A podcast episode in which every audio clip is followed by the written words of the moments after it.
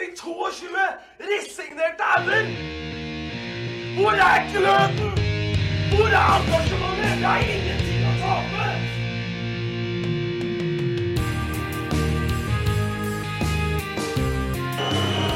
Ja, forlenges tid på Martin Ramsland. Skal du sette etter? Og så gjør han det! Martin Ramsland! Har du sett? Han kommer til å bli større enn Jesus på Sørlandet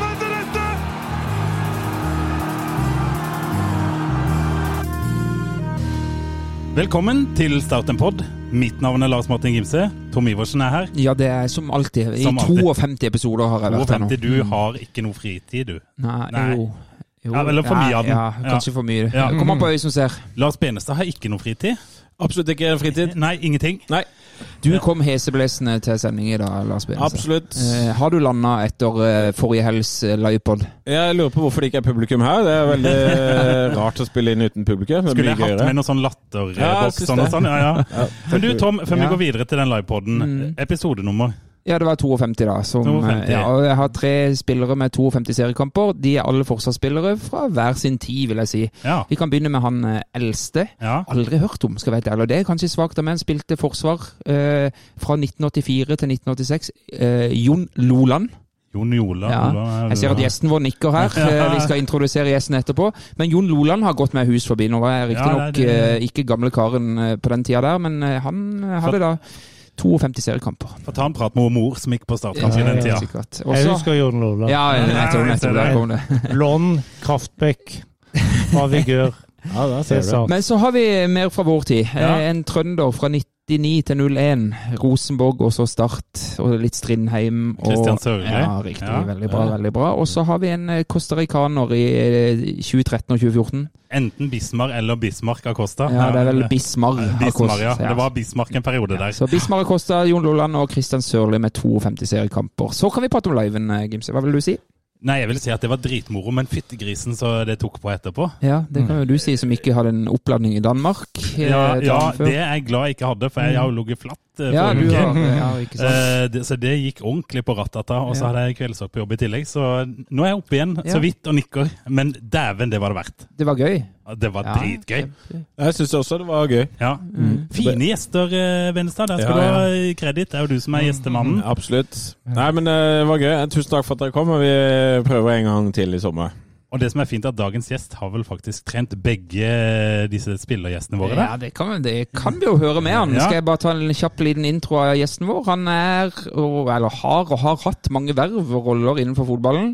For meg personlig er jo minnene fra hans tid som hovedtrener i Start i 1996. Det er de sterkeste for meg personlig. Ja.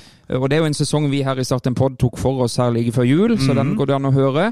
Eh, Han har vel både irritert og engasjert folk med sine innspill på, på klubbens årsmøter. Og, samtidig som han har vært en av klubbens største offentlige kritikere. Eh, han ble jo blant annet trua med en rettssak da han uttalte at eh, Start hadde solgt sjela si her i 2017. Ja. Eh, han har vært leder i eh, trenerforeninga en årrekke og er stadig å se gangene på Sør Arena, ifølge rytterne. Det er en glede å kunne gi deg mikrofonen, Teddy Moen. Velkommen til Startenpod. Tusen takk for at jeg har fått lov til å være med. Jeg gleder meg til det her. Ja, det bra. Ja, det gjør Men vi du, òg. jeg må bare ta en ting. Du er født i USA, så du heter egentlig ikke Teddy. Jeg heter Theodor Curtis, oppkalt etter Theodore Roosevelt. Oi, det er såpass, ja. Mine foreldre som var norske, som var på den siste emigreringsbølga på 50-tallet, trodde vel at vi skulle være der. De to til vettet på slutten av 60-tallet kom seg tilbake til Lillesand. Ja. Og glad er jeg for det. Det er. Det er vi jo glad for. Det har vi jo en å snakke med i dag. Absolutt. Men eh, kan du ikke bare gi oss to ord om Bernt Christian Birkeland og Tom Berrus? Jo, definitivt. Altså, jeg, had, jeg var jo så heldig at Tom fikk jeg jo bekjentskap med i 1992 når han kom opp på juniorlaget. Et veldig godt guttelag i Start.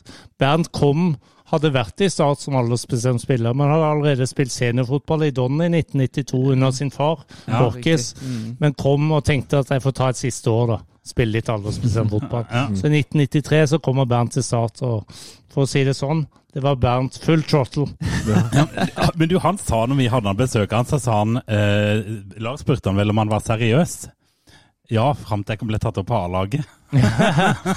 Ja, eh, altså Jeg var jo en veldig ung trener. Jeg kom inn som trener for juniorlag i 1991. Jeg var 25 år. Jeg spilte samtidig, riktignok i Lillesand, men jeg hadde jo selvfølgelig ikke helt den store kunnskapen til å håndtere personligheter som Bernt Kristian Birkeland. Eh, og Bernt var ikke A4, Nei. det må jeg si. Og det var jo en tid der det ikke var mobiltelefoner. Så vi hadde noe, det var noen små krangler underveis, for Bernt var ikke alltid tilgjengelig, spesielt når reservelaget hadde bortlag. Og det var ikke like lett å finne han. Mens Tom var gjerne det motsatte.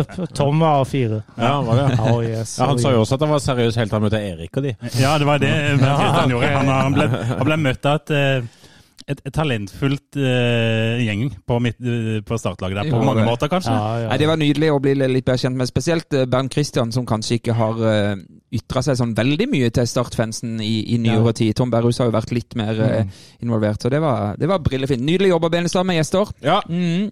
Du var, du, du var fornøyd sjøl? ja, det var en veldig kul kveld. Ja. Men uh, man skal aldri se bakover, man skal alltid se framover. Så du jobber allerede nå med gjestemateriale til sommeren, tenker jeg? Ja, da, ja, ja, ja, det er klart det. Det blir en, uh, det blir en helsikes løype i sommeren. Det blir det. Ja, du. Plass til ca. 50. Er plass til ca. 50. Ja. Men eh, vi er nødt til å snakke litt om Vi er nødt til å snakke litt om siste uka, for det har skjedd litt. Det har jo det. Ja. Eh, Og det, du nevner i fleng ja, det mest spennende Ja, er jo spiss. ja. Er det ikke det? Vi har fått inn en spiss spiss som eh, jeg har aldri hørt om. Ikke jeg heller. Magni Fannberg har trylla fram en svenske. Har du hørt om han, Teddy? Jeg hadde ikke hørt om han, men jeg, tror tok meg bryet til å sette meg litt inn i det. Ja. Jeg registrerer jo her at det er en veldig kjapp spiller. Det- Kja- Kjappere enn Mbappé, sa ja, han vel det sjøl. påstår han sjøl. Jeg så jo at det var men, men han er definitivt kjapp. Og så ble han solgt for 20 millioner kroner, Mm. som relativt ung, da. For et par år siden. Fra, jeg vet ikke om det er fra AIK eller Ja, men i hvert fall til det. Mm. Så det er jo klart at noen har sett et talent der. Ja. Og så er det spørsmål om, om det har stoppa opp litt, og om kan få restarta det. da. Og mm, Oskar med- Monsson, han svensken, Ja. han sier jo at han var en sånn sensasjon da han Ja. debuterte i Allsvenskan Ja. som 16-åring. Oi, dere er jo ordentlig dypa, dypdykka er her, det er bra. Det, nei, det er ikke lov å si. Eh, Men Oskar Monsson er fin fyr. Ja, ja, Følg ham på Twitter. Han eh, har mye bra å komme med, spesielt når han Start bare henter svensker. Ja. Jack, Jack Lane, var det det? Jack Lane. Jack Lane. Mm. Men det er et spørsmål til Teddy, da. Altså, Ja. eh, ok, rask og sånn, men hva, hva vil det for, I og med at vi er under middels kjent for våre analyser, hva vil det si for um for, for Start? eh, Blir det noe lettere å spille mot baktunge vi, nettopp, lag? og vi har jo Savo fra før av. Ja, nei Det er klart, Hurtighet i seg sjøl er jo viktig. da, Både oppfattelseshurtighet, Ja. men også bevegelseshurtighet, som Ja. tydeligvis han representerer. Ja. Jeg vil ikke underslå at det andre er like viktig. Altså Ja. Evnen til å vurdere og ta kjappe avgjørelser må du aldri liksom motstride. Veldig viktig. Som Men, det- men, men det er klart at kjappe spillere har kanskje en større effekt i et lag som har en strategi om å kontre i spillet sitt. Mm. Og det er klart at sånn som Start bygger jo veldig mye spill mot etablert forsvar. Mm. Og sånn sett fordi de ofte blir ansett som at de styrer kampene, og ønsker å styre kampene. Så åssen det vil slå ut Nei, altså. Tida vil vise, men det er jo klart det at det er ikke noe minus. Men, men hvis ikke du kan alt det andre, så nytter det ikke å være rask. Altså.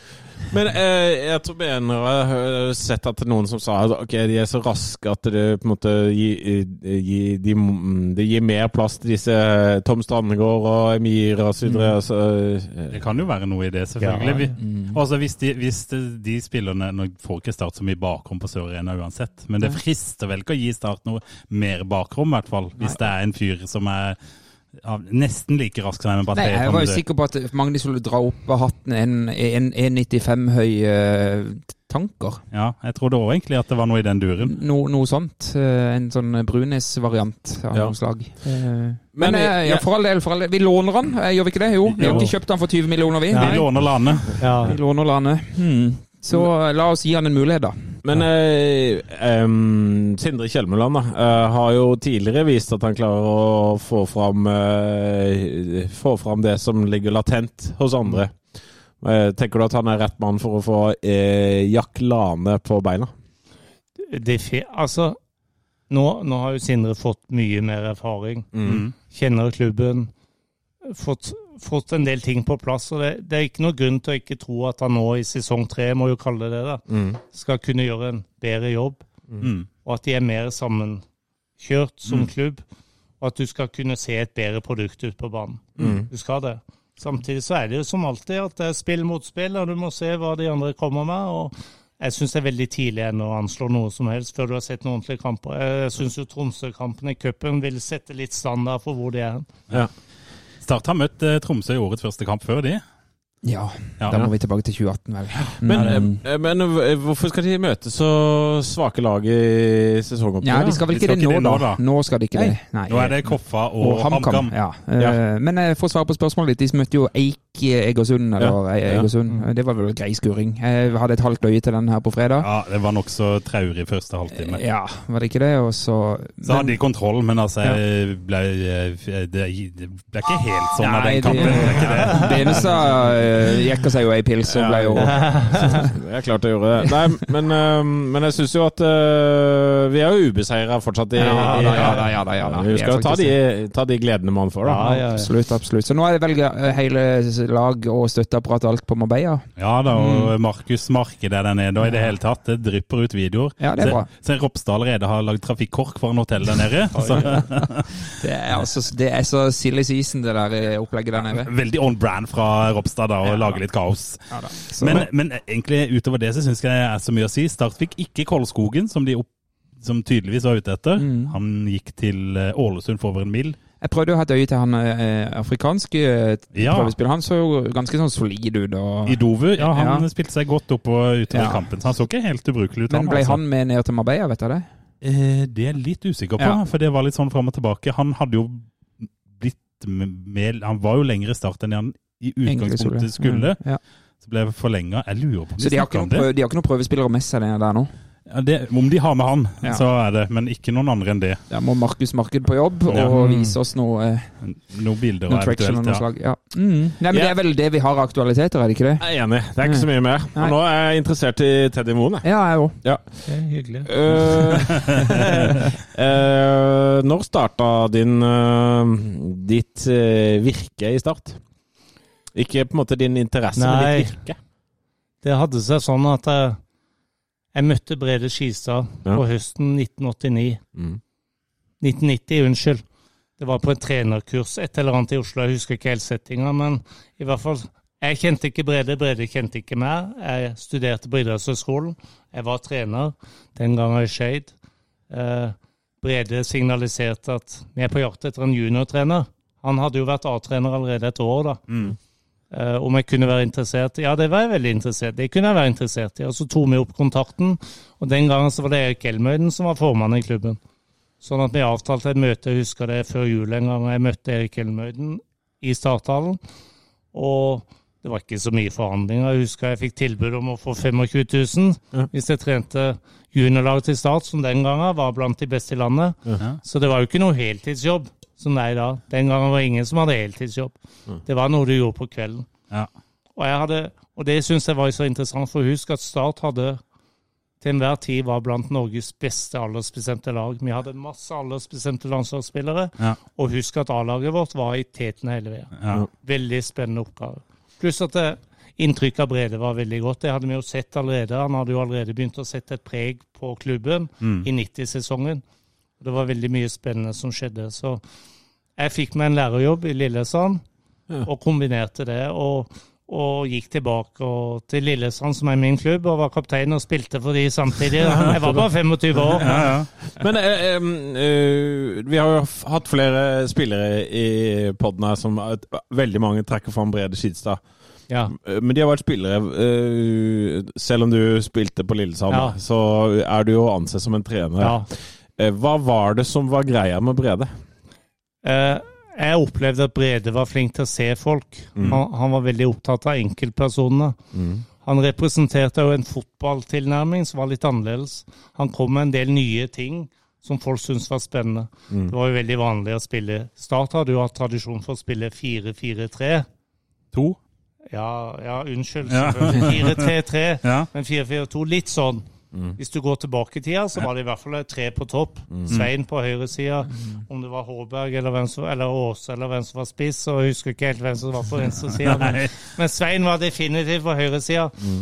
Eh, han kommer med en formasjon som han kaller 3-5-2. Han kaller det 3-5-2, og fikk mye kritikk for det mange mente det her var 5-3-2. Ja. Det her var noe han hadde plukka opp gjennom 80-tallet. Det her var egentlig Frankrike som lanserte i EM i 84, og så fikk det litt fart på mølla. Og sånn sett så representerte han noe nytt, da. Ja. Mm. Så han var en moderne Han var det. Ja. Han var egentlig moderne. Han var moderne i forhold til det pedagogiske. Ja. Han var jo spesialpedagog av utdanning. Ja. Jeg tror han så noen ting i spillere. Jeg husker jo et av de første åra når han liksom Det var en kamp, det må ha vært i 91, mener jeg. En kamp ikke Brede var på. Og så var det noen som lurte hvorfor var ikke Brede. Nei, han skulle se Jerv spille. Ja. Jo, men hvorfor skulle han se Nei, han skulle se på Tusse. Ja, ja. Og vi som hadde sett Tusse noen år for Jerv, og kjente Tusse, lurte på hva er det som er galt. Men Brede så noe i Tusse som ingen andre så. Ja. Og vi fikk mye ut av Tusse, ikke sant? så det Ja. må jo ha vært i 90, det. Ja. For Tusse kom jo i 91. ja, ja. Han var gøy, han. Og han var jo høyreving. Ja. Eller høyre kant, eller hva du kaller det. Men, men det du gjør nå, Teddy, du bekrefter jo egentlig det alle som har blitt bedt om å si noe om Brede. denne her én-til-én-relasjonen han har, og det å se mennesket. Ja. Fascinerende, det der. Det må jo var- være utrolig greit å ha, ha en sånn trener. Samtidig så vil jeg jo si det til deg at mange vil jo si at Brede var jo snill og god mann, og det var han. Men han var ganske sånn som hovedtrenere må være. Bestemt. liksom. Bestemt, klare regler. Hensynsløs når det var nødvendig. Mm. Okay. Så han, han, han kunne si ifra. Det var ingen, det var ingen problem med Brede, altså. Mm. Vi fikk noen skyllebøtter innimellom når det var nødvendig, og det var på sin plass. Så det må aldri være tvil om at Brede kunne si ifra. Ja, Nei, det var jo, det var litt av en gjeng han var trener for òg, så kanskje de måtte bli dratt litt i ørene innimellom. Nei, par jeg, tenker Ja jeg- da, og jeg, jeg snakka litt med Brede. Hvorfor tror du denne jobben? For det, i, på slutten av 88-89 så er det jo sånn at Ingvar Stadheim gir seg som landslagssjef. Så gir de Egil Olsen tre kamper som vikar. Ja. Og så, og så er de litt usikre, men de tilbød Brede Skistad jobben som ny OL-landslagstrener. Ja. Oi. Ja, de gjorde det, ja. Ja, de gjør det. Ja. Og så har valget mellom det, for det at ledelsen i Start Det er litt overraskende, for husk at laget som rykker opp i 88, har Karsten, Svein og Tor Helge Stensland som trenere. En sånn trekløver Ja. som deler der. Noen av klubbens største spillere gjennom alle tider, og trener. Og det at en ledelse finner ut at nå skal vi ha en ny trener, var ganske heftig. Ja. Og det, det avstedkom sikkert diskusjoner på styrerommet, Ja. og definitivt i etterkant. For det var en del av de her som selvfølgelig følte at de burde få muligheten til å trene laget i Eliteserien. Ja. Men de henter Brede. Hvorfor det er Brede? Sannsynligvis fordi at han allerede har fått et stempel som en av de lovende trenerne. Men han ble tilbudt jobben, takka nei i NFF. Ville ha. Så spurte jeg hvorfor ville ha jobben i stad. Han hadde gjort hjemmeleksa. Han så det var et veldig lovende lag på han. Ja. Ja. Han så det var mye talent, og det var det jo. Myggen, Totto, Frank Strandli, Klaus Eftevåg osv. på vei opp. Oh. Samtidig som det var et samme i laget. Pluss at han hadde noen spillere på vent som han hadde blitt kjent med i Stord og i Djerv. Altså en Helge, Jørgen Hammerstad. Og som man kunne se de kunne han få mer ut av. Ja. Der så han et hjem for de i start. Det er interessant. Ja, altså jeg har sagt det 100 000 ganger snart. Jeg er for få lærere i fotballen. Så, sånn er det bare. Men altså, du kom jo inn da sånn rundt Ja. 90, men kan du fortelle litt om Du sa du var junior. Hvilke roller er det du egentlig har hatt i Start Nei, i denne tida? Nei, det betyr jo at jeg, jeg var jo så heldig at jeg kom inn på juniorlaget, og da hadde jo Tor Arne Mjøløen, som, er, som hadde vært med helt siden, siden 80-tallet, ikke sant, i ulike roller i aldersbestemte, da, var jo fortsatt med. Tore Heidenreich, som da kjenner som politiker, var jo oppmann. Og hadde jo en far som både hadde spilt og vært sentral i klubben. Så det var gode folk, og det gjorde jo en god start. Men jeg kommer inn som juniortrener, og det er et veldig lovende juniorlag, det ser jeg. Ja. Der kommer et par gutter fra Vårsbyll, bl.a. Bård Borgersen, som Ja. er siste års junior. Men der er veldig gode. Odd Arild Skrånhoft osv. Og, og det er en veldig fin gjeng. Og vi ender jo opp med å spille NM-finalen det året. da. Ja. Vi gjør det. Taper riktignok for Ålesund. Ja. Eh, vi har jo de to beste juniorspillerne i landet i klubben, men de spiller bare A-lagsfotball. Ja. Tommy Svindal Larsen og Frank Strandli. Ja, ja, ja, ja, ja, ja. Jeg fikk lov til å ha Frank med på en fjerderundekamp oppe på Torridal mot Vigør. Ja. Jeg vet ikke hvorfor, men vi hadde tapt 1-0 for Vigør i serien. ja. Og så tenkte vi, får mønse opp litt, da. Jeg tror vi vant Jeg tror vi vant 12-1 eller noe. Men eh, Feige, feige lag, det å inn Frank Men der. det var den eneste kampen Frank spilte. Og du kan jo etterkant si at hadde Frank og Tommy spilt finalen, Ja. Så hadde kanskje vi blitt Norges beste. Det vet vi aldri. Men, nei, nei. men det forteller litt om hvilket nivå vi snakker om. Ja. Tommy Svindal Larsen var ble kalt Guds gave til fotballen. Ja. Hadde spilt 90 aldersbestemte landskamper. Ja. Og den gangen så kunne du skaffe deg Norges største talent. Det var datidens Martin Ødegaard. Ja. Men det var jo fordi Brede visste hvem han var, Ja. og jobbet, hadde jobba lenge med han. Nå ble han ikke så lenge der, så kom han igjen et par år etterpå, men ja. Mm. Men det forteller litt hvor- om nivået. hvor lenge var du juniortrener? Nei, så var jeg juniortrener både i 92-93. 93, da var det gull. Da var det gull i NM. Yes. Ja. Og da hadde vi jo en sabla fin gjeng, og da nevnte jo Tom Berrhus og Bernt Kristian Birkeland og Mm. Steinar Pedersen og masse Du hører jo hvorfor dette laget vant. Ja. Ja, og jeg må si det at det var en helt fortjent seier da når vi vant final. Jeg må jo si det. Vi møtte Molde, og det er jo litt artig, for den kampen der så Steinar Pedersen spiller, men Daniel Berg Hestad spiller òg. Ja. Og begge de gutta spilte omtrent til de var 40. Ja.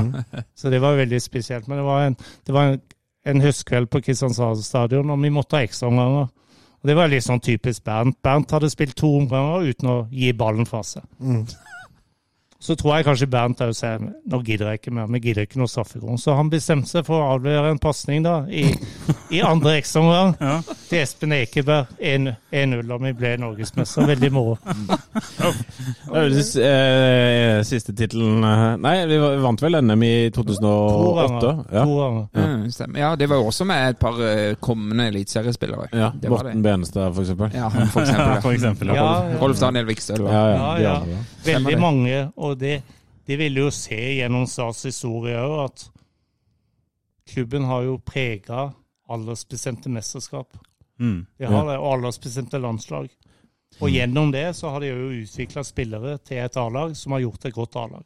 Men, men tror du det var enklere å være juniortrener for Start på midten av 90-tallet enn det er i dag, med tanke på konkurranser i, i lokalfotballen? Og, altså, nå har vi har jo Jerv vært oppe og snust. eh, Vi hadde jo Mandalskameratene en periode. Var det sånn at man kunne få alle de største talentene mellom Stavanger og Skien på den tida? Nei, ikke nødvendigvis, men du kunne i hvert fall sikre deg de du ønska på i Agder. Ja.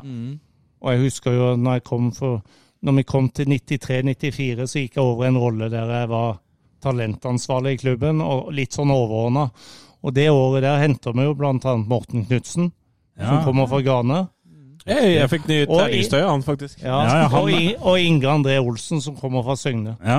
Og det var aldri noe konkurranse om de. Det var ingen som visste om de, men vi visste om de. Og det betyr jo at Morten Knutsen far kjørte han ut til Kristiansand et år. Ja. For det er klart, det å være med i Start osv., det var det de ønska. Mm. Det var aldri noe tvil om det. Nei. Så vi hadde full kontroll på Agder. Det det var aldri noe sånn at noen skulle gå til Odd eller til Viking. Nei. De kom til Start. Men du måtte gjøre litt jobb for det. Ja, ja. Men det var ikke de store tingene, altså. Men det var ikke noen alternativer for disse talentene her, egentlig? Er det Altså- det du sier? Nei, jeg pleier å si at eh, inntil 90-tallet og profesjonell fotball kommer i Norge, så var landet delt inn sånn at det var en respekt for at Sørlandet, Mm. det er SAS område. ja. Rogaland, det tar Viking seg av. Altså, man plukka liksom ikke fra Nei. andre soner? Nei, du gjorde ikke det. Nei. En enkel gang eller to så kunne det komme en lovende spiller til Kristiansand. Men det var ofte spillere som kom litt under radaren. Hvis du går tilbake på 70-tallet, så hadde jo Start et innhopp, et, en, en, henta flere spillere fra Harstad Ja. som hadde litt toppfotballkultur. Og så henta de folk fra Skarbøvik, Ja. en Helge Skuseth. ja, stemmer. Og det, det var fordi det var ikke noe naturlig. Det var ikke, Ålesund var ikke det de er i dag. Nei. Men det var spillere som kom til å representere Norge. da. Ja. En Jarle Ødegaard. De Ja, kom fra. Skarbøvik, men det var jo fordi at det var noen folk som tipsa Start. Og så kombinerte det ofte med lærerskole. Ja, Ja, ja, ja, ja. ja. ja. Stemmer. Ja, jeg, jeg syns det var veldig interessant, for jeg har prata mye med Åge Hareide, og han nevnte jo det. Han var jo nede i Kristiansand nå forrige uke. og Åge var jo nede på sommeren, da. Var kompis med Trond og Svein, fordi de spilte på U-landslaget sammen. Ja. Og, og Svein og Trond benytta anledningen til å invitere han til byen. Ja. og, og, og tilby han det som var interessant den gangen. eh, mye moro på sommeren. ja. Og når du er ung, så syns du det. Og så, så kommer det jo til, Han bodde jo hjemme hos Alf, far til Svein. Og så kom det til punktet at han vurderte å gå til Start i 73-74. Oi. Og da sa han ja, hva skal jeg gjøre? Ja, du må bare melde deg inn. Ja. Du må så- melde deg Du inn. må ja. melde deg inn, sa han. Og så gjorde han ikke det, og så ble det en annen historie. Ja. Og så gikk han jo etter til, Han gikk jo istedenfor, så gikk han til Molde også. Ja. Manchester City osv. Du må melde deg inn. Ja, det er klart du må velge. Ja. Overganger var noe annet før. Ja, altså. det Dette her er jo 50 år siden, så Ja, eh, ja. tidene endrer seg. Ja, det har det. Ja. Men, men, men gikk, var det sånn til det at du gikk fra juniortrener til å bli hovedtrener? Ja, via litt Altså, jeg er talentansvarlig og studerer videre på idrettshøgskolen i 94. Mm. Så skjer det noe i 94 som gjør at klubben må omrokere litt. Brede Skistad blir alvorlig syk. Mm. Han uh, blir indisponert. Brede må ta en timeout. Men det er aldri snakk om at ikke han skal tilbake. Uh, da må klubben eh, omorganisere trenerapparatet litt. Og det de gjør, det er at Erik Rutford Pedersen, som er assistenten til, til Brede, blir hovedtrener i 95. Mm. Samtidig som han skal drive Elkon Finans, da. Så husk det. Det her er for kvelden. Ja, ja. Så husk at det er ikke så lenge siden folk var ikke på heltid. Så, så spør de om meg og Paul Rikardsen kan være assistenter Mm. til Erik, og kombinere det med å ha Start 2 Ja. i tillegg, da. Som spil, den gangen spilte i det som vi kalte andredivisjon nivå 3. Ja. Så du, ja, du var egentlig inne litt i 95 allerede? på... Ja. ja. Så jeg er inne der, og så er det jo sånn at Brede kommer tilbake, faktisk. Om ikke veldig lenge, men han kommer tilbake som trener på sommeren. Ja. Tidlig på sommeren. Eh, men så går Brede bort. Ja. Og så er spørsmålet hva gjør vi nå? Og du bestemmer ledelsen i klubben at nå skal vi ha ny trener fra utsida. Ja. Nå, skal, nå, ikke, nå går vi ikke videre med Rutford, så da er det på ny igjen. Og de henter Steve Perriman. Steve 800 kamper for Tottenham. Og Steve kommer den sommeren og tar over som hovedtrener. Og da blir det Rutford blir assistent, og vi og Paul blir rundt litt og hjelper til litt, men først og fremst på annetlaget. Men vi er en del av opplegget. da. Ja. Ja. Og så har jo vi snakka om denne prosessen eh, inn mot eh, 96 og sånn, i den Mm. Episoden vår som ligger ute i detalj. Vi kan vel egentlig bare vise til den, og så kan vi jo Ja, men, men jeg, vil, jeg, jeg tror at det kan passe med retrospalta akkurat her, oh, ja. skjønner du. Ja. Ja. Jeg, jeg tenker at det kan passe med retro her. Eh, så da skal vi bare høre litt av det, Lars. Ja. Retro bam, bam, bam. Retro.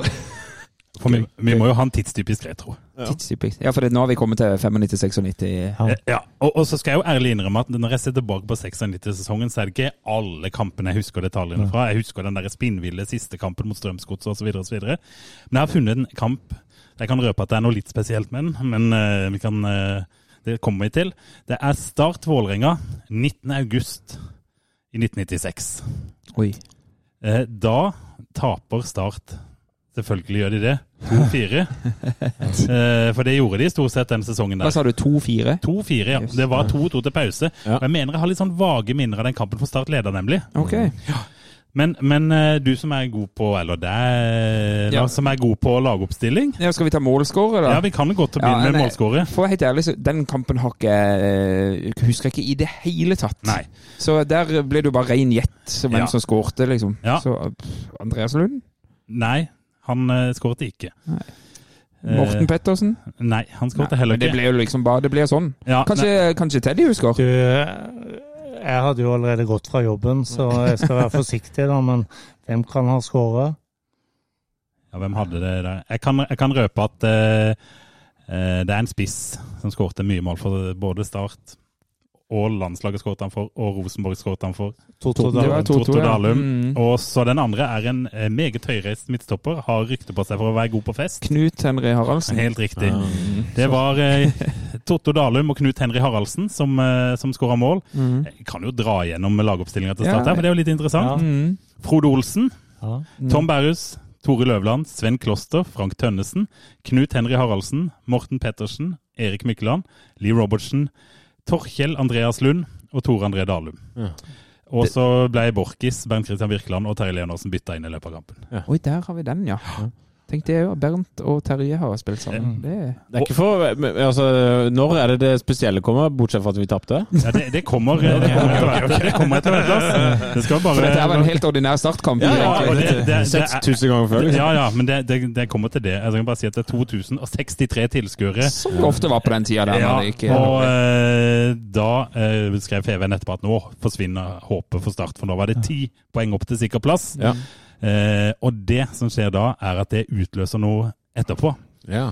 Eh, for denne kampen, det var Erik Myklands siste kamp for Start før han gikk til Østerrike. Åh. Det er det spesielle her, ja. Erik Mykland fikk gul kort i den kampen, så han skulle ha stått over neste kamp mot Molde uansett.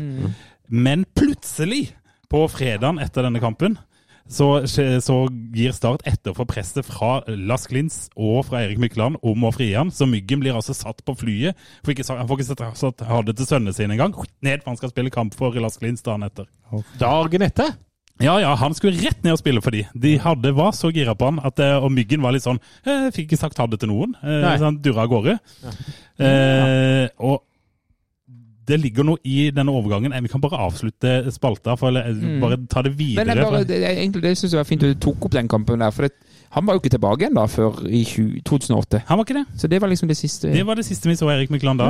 Eh, gult kort og to firetap mot Vålerenga. Og på første fly til Lins. Ja, første fly til Lins. Ja, ja. Da er det Eh, faktisk hans siste kamp på Kristiansand stadion. det er hans det er siste kamp på Kristiansand stadion, Ja, ja, ja, ja. så, så vidt jeg vet i hvert fall. Shit. Så det er bare avslutte spalta, så skal jeg bare ta en liten hale etterpå. Men jeg det passer på utenfor spalta. Retro, bam, bam, bam. Retro.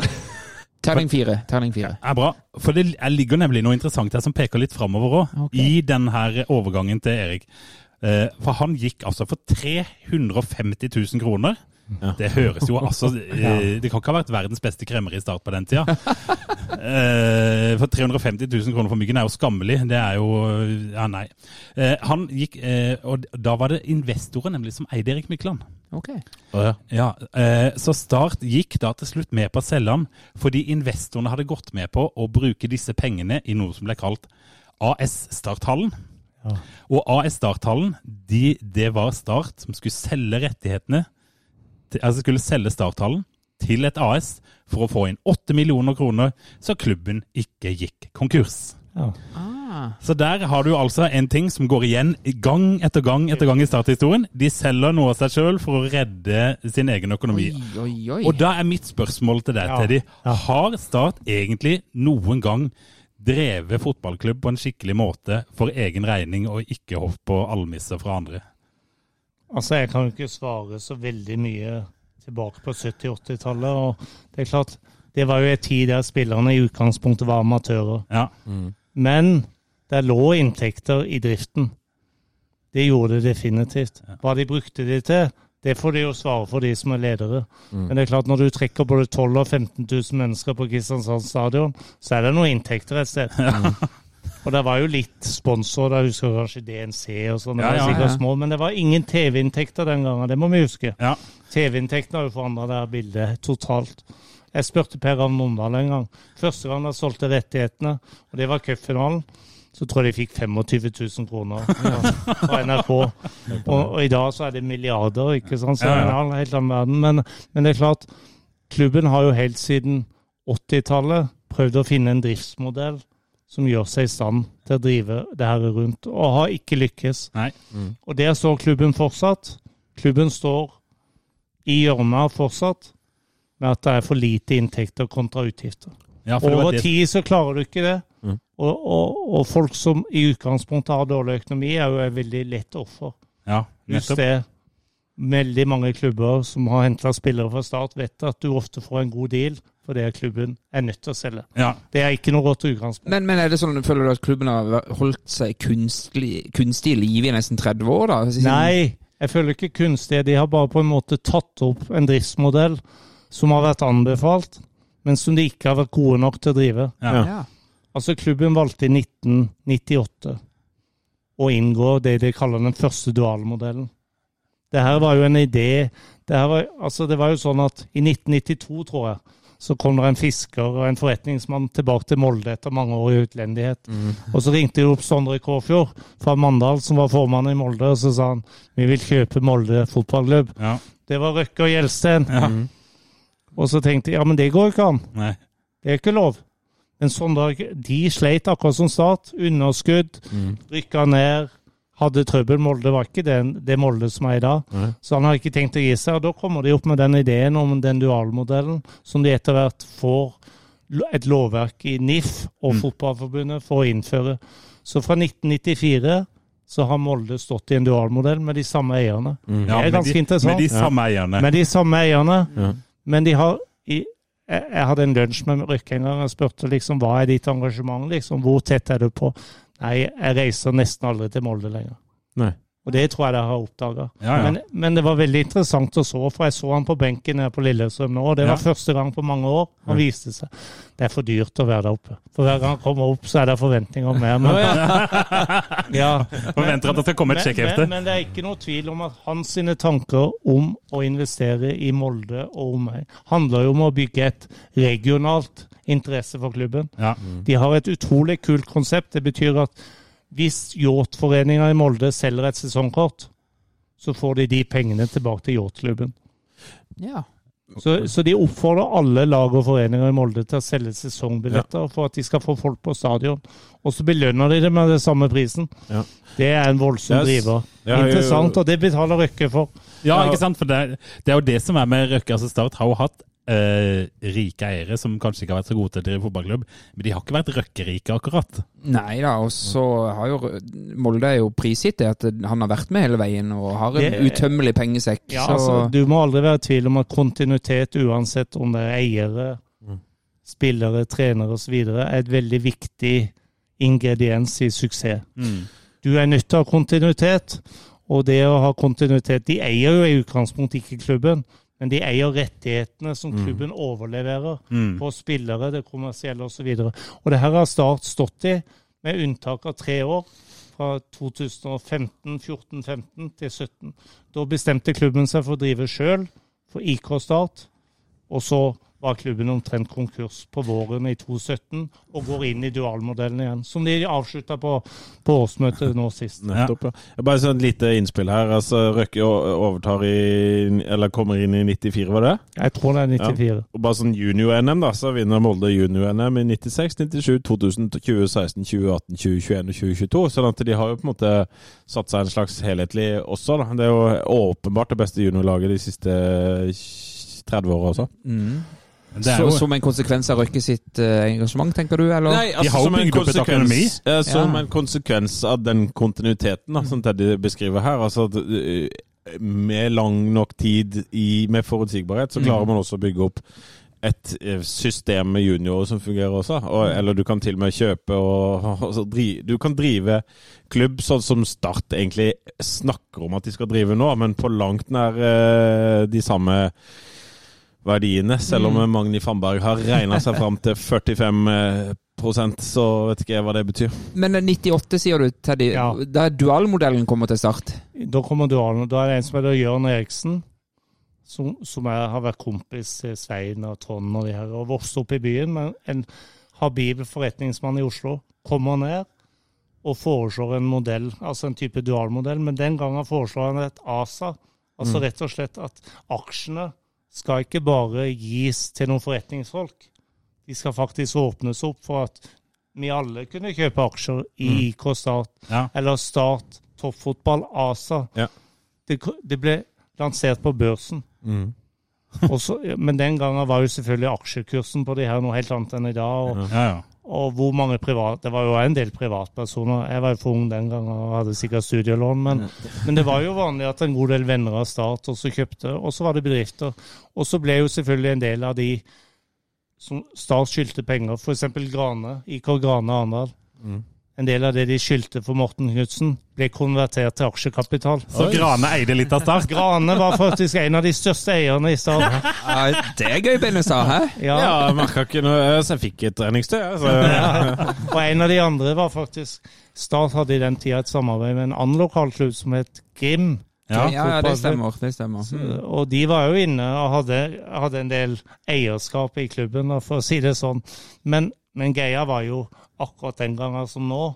Det her var jo en del av driftsmodellen for å generere inntekter som var nødvendig for å drive profesjonell fotball Ja. Det måtte aldri være i tvil om det. Nei. Og så er spørsmålet om var det nok. Du Mm. kan alltid diskutere om Start har tilgang på nok penger. Ja. Jeg mener fortsatt at kompetanse er det aller viktigste. Penger kommer lenger ned på lista. Ja. Har du kompetanse i en klubb, så har du òg evnen til å bruke de pengene du har tilgang på, Ja. og utnytte pengene. Ja.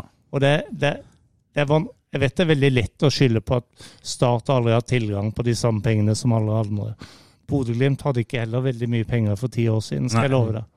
Det var vel nokså krisestemning der før de fikk i gang en sånn eh, Kronerulling? Ja, det var jo kronerulling. Ja, og og det var jo, det var jo Ørjan og broren og, Mm. som var rundt og banka dører i Bodø og fikk utsatt regninger osv. Lang, hard vei, som etter hvert gjorde at de etablerte en dualmodell. Mm. Og så fikk de, Men parallelt med det så jobba de fram en sportslig plan som var ganske heftig. Ja. Med veldig dyktige folk. Ja. Det var kompetanse. Ja. Og det ble på en måte underkommunisert litt med Bodø-Glimt. Alle tror at det er over europacupspill. Ja, det er et resultat av det arbeidet de begynte med Mm. på 2000-tallet. Ja. Og som tar tid. Utviklingsarbeid tar tid. Du får ikke resultater over natta. Nei. Men du er nødt til å starte på et eller annet tidspunkt. og Men Molde her da, Teddy, som Ja. du var inne på. eh, Er det, er, kommer det av kompetanse der òg, eller er det der Jeg- kun pengesekken til Røkke? Ja, en kombinasjon. Jeg tror jo det at det er jo en del sånne ting som, som på en måte skaper stolthet, trygghet osv. Noe av det første Gjelsten og Røkke det var jo at de ønska å bygge et signalbygg i Molde. Mm. Bare for å sette det her på plass. Og de bygger jo det mest fantastiske stadionet, du kan tenke deg. Ja.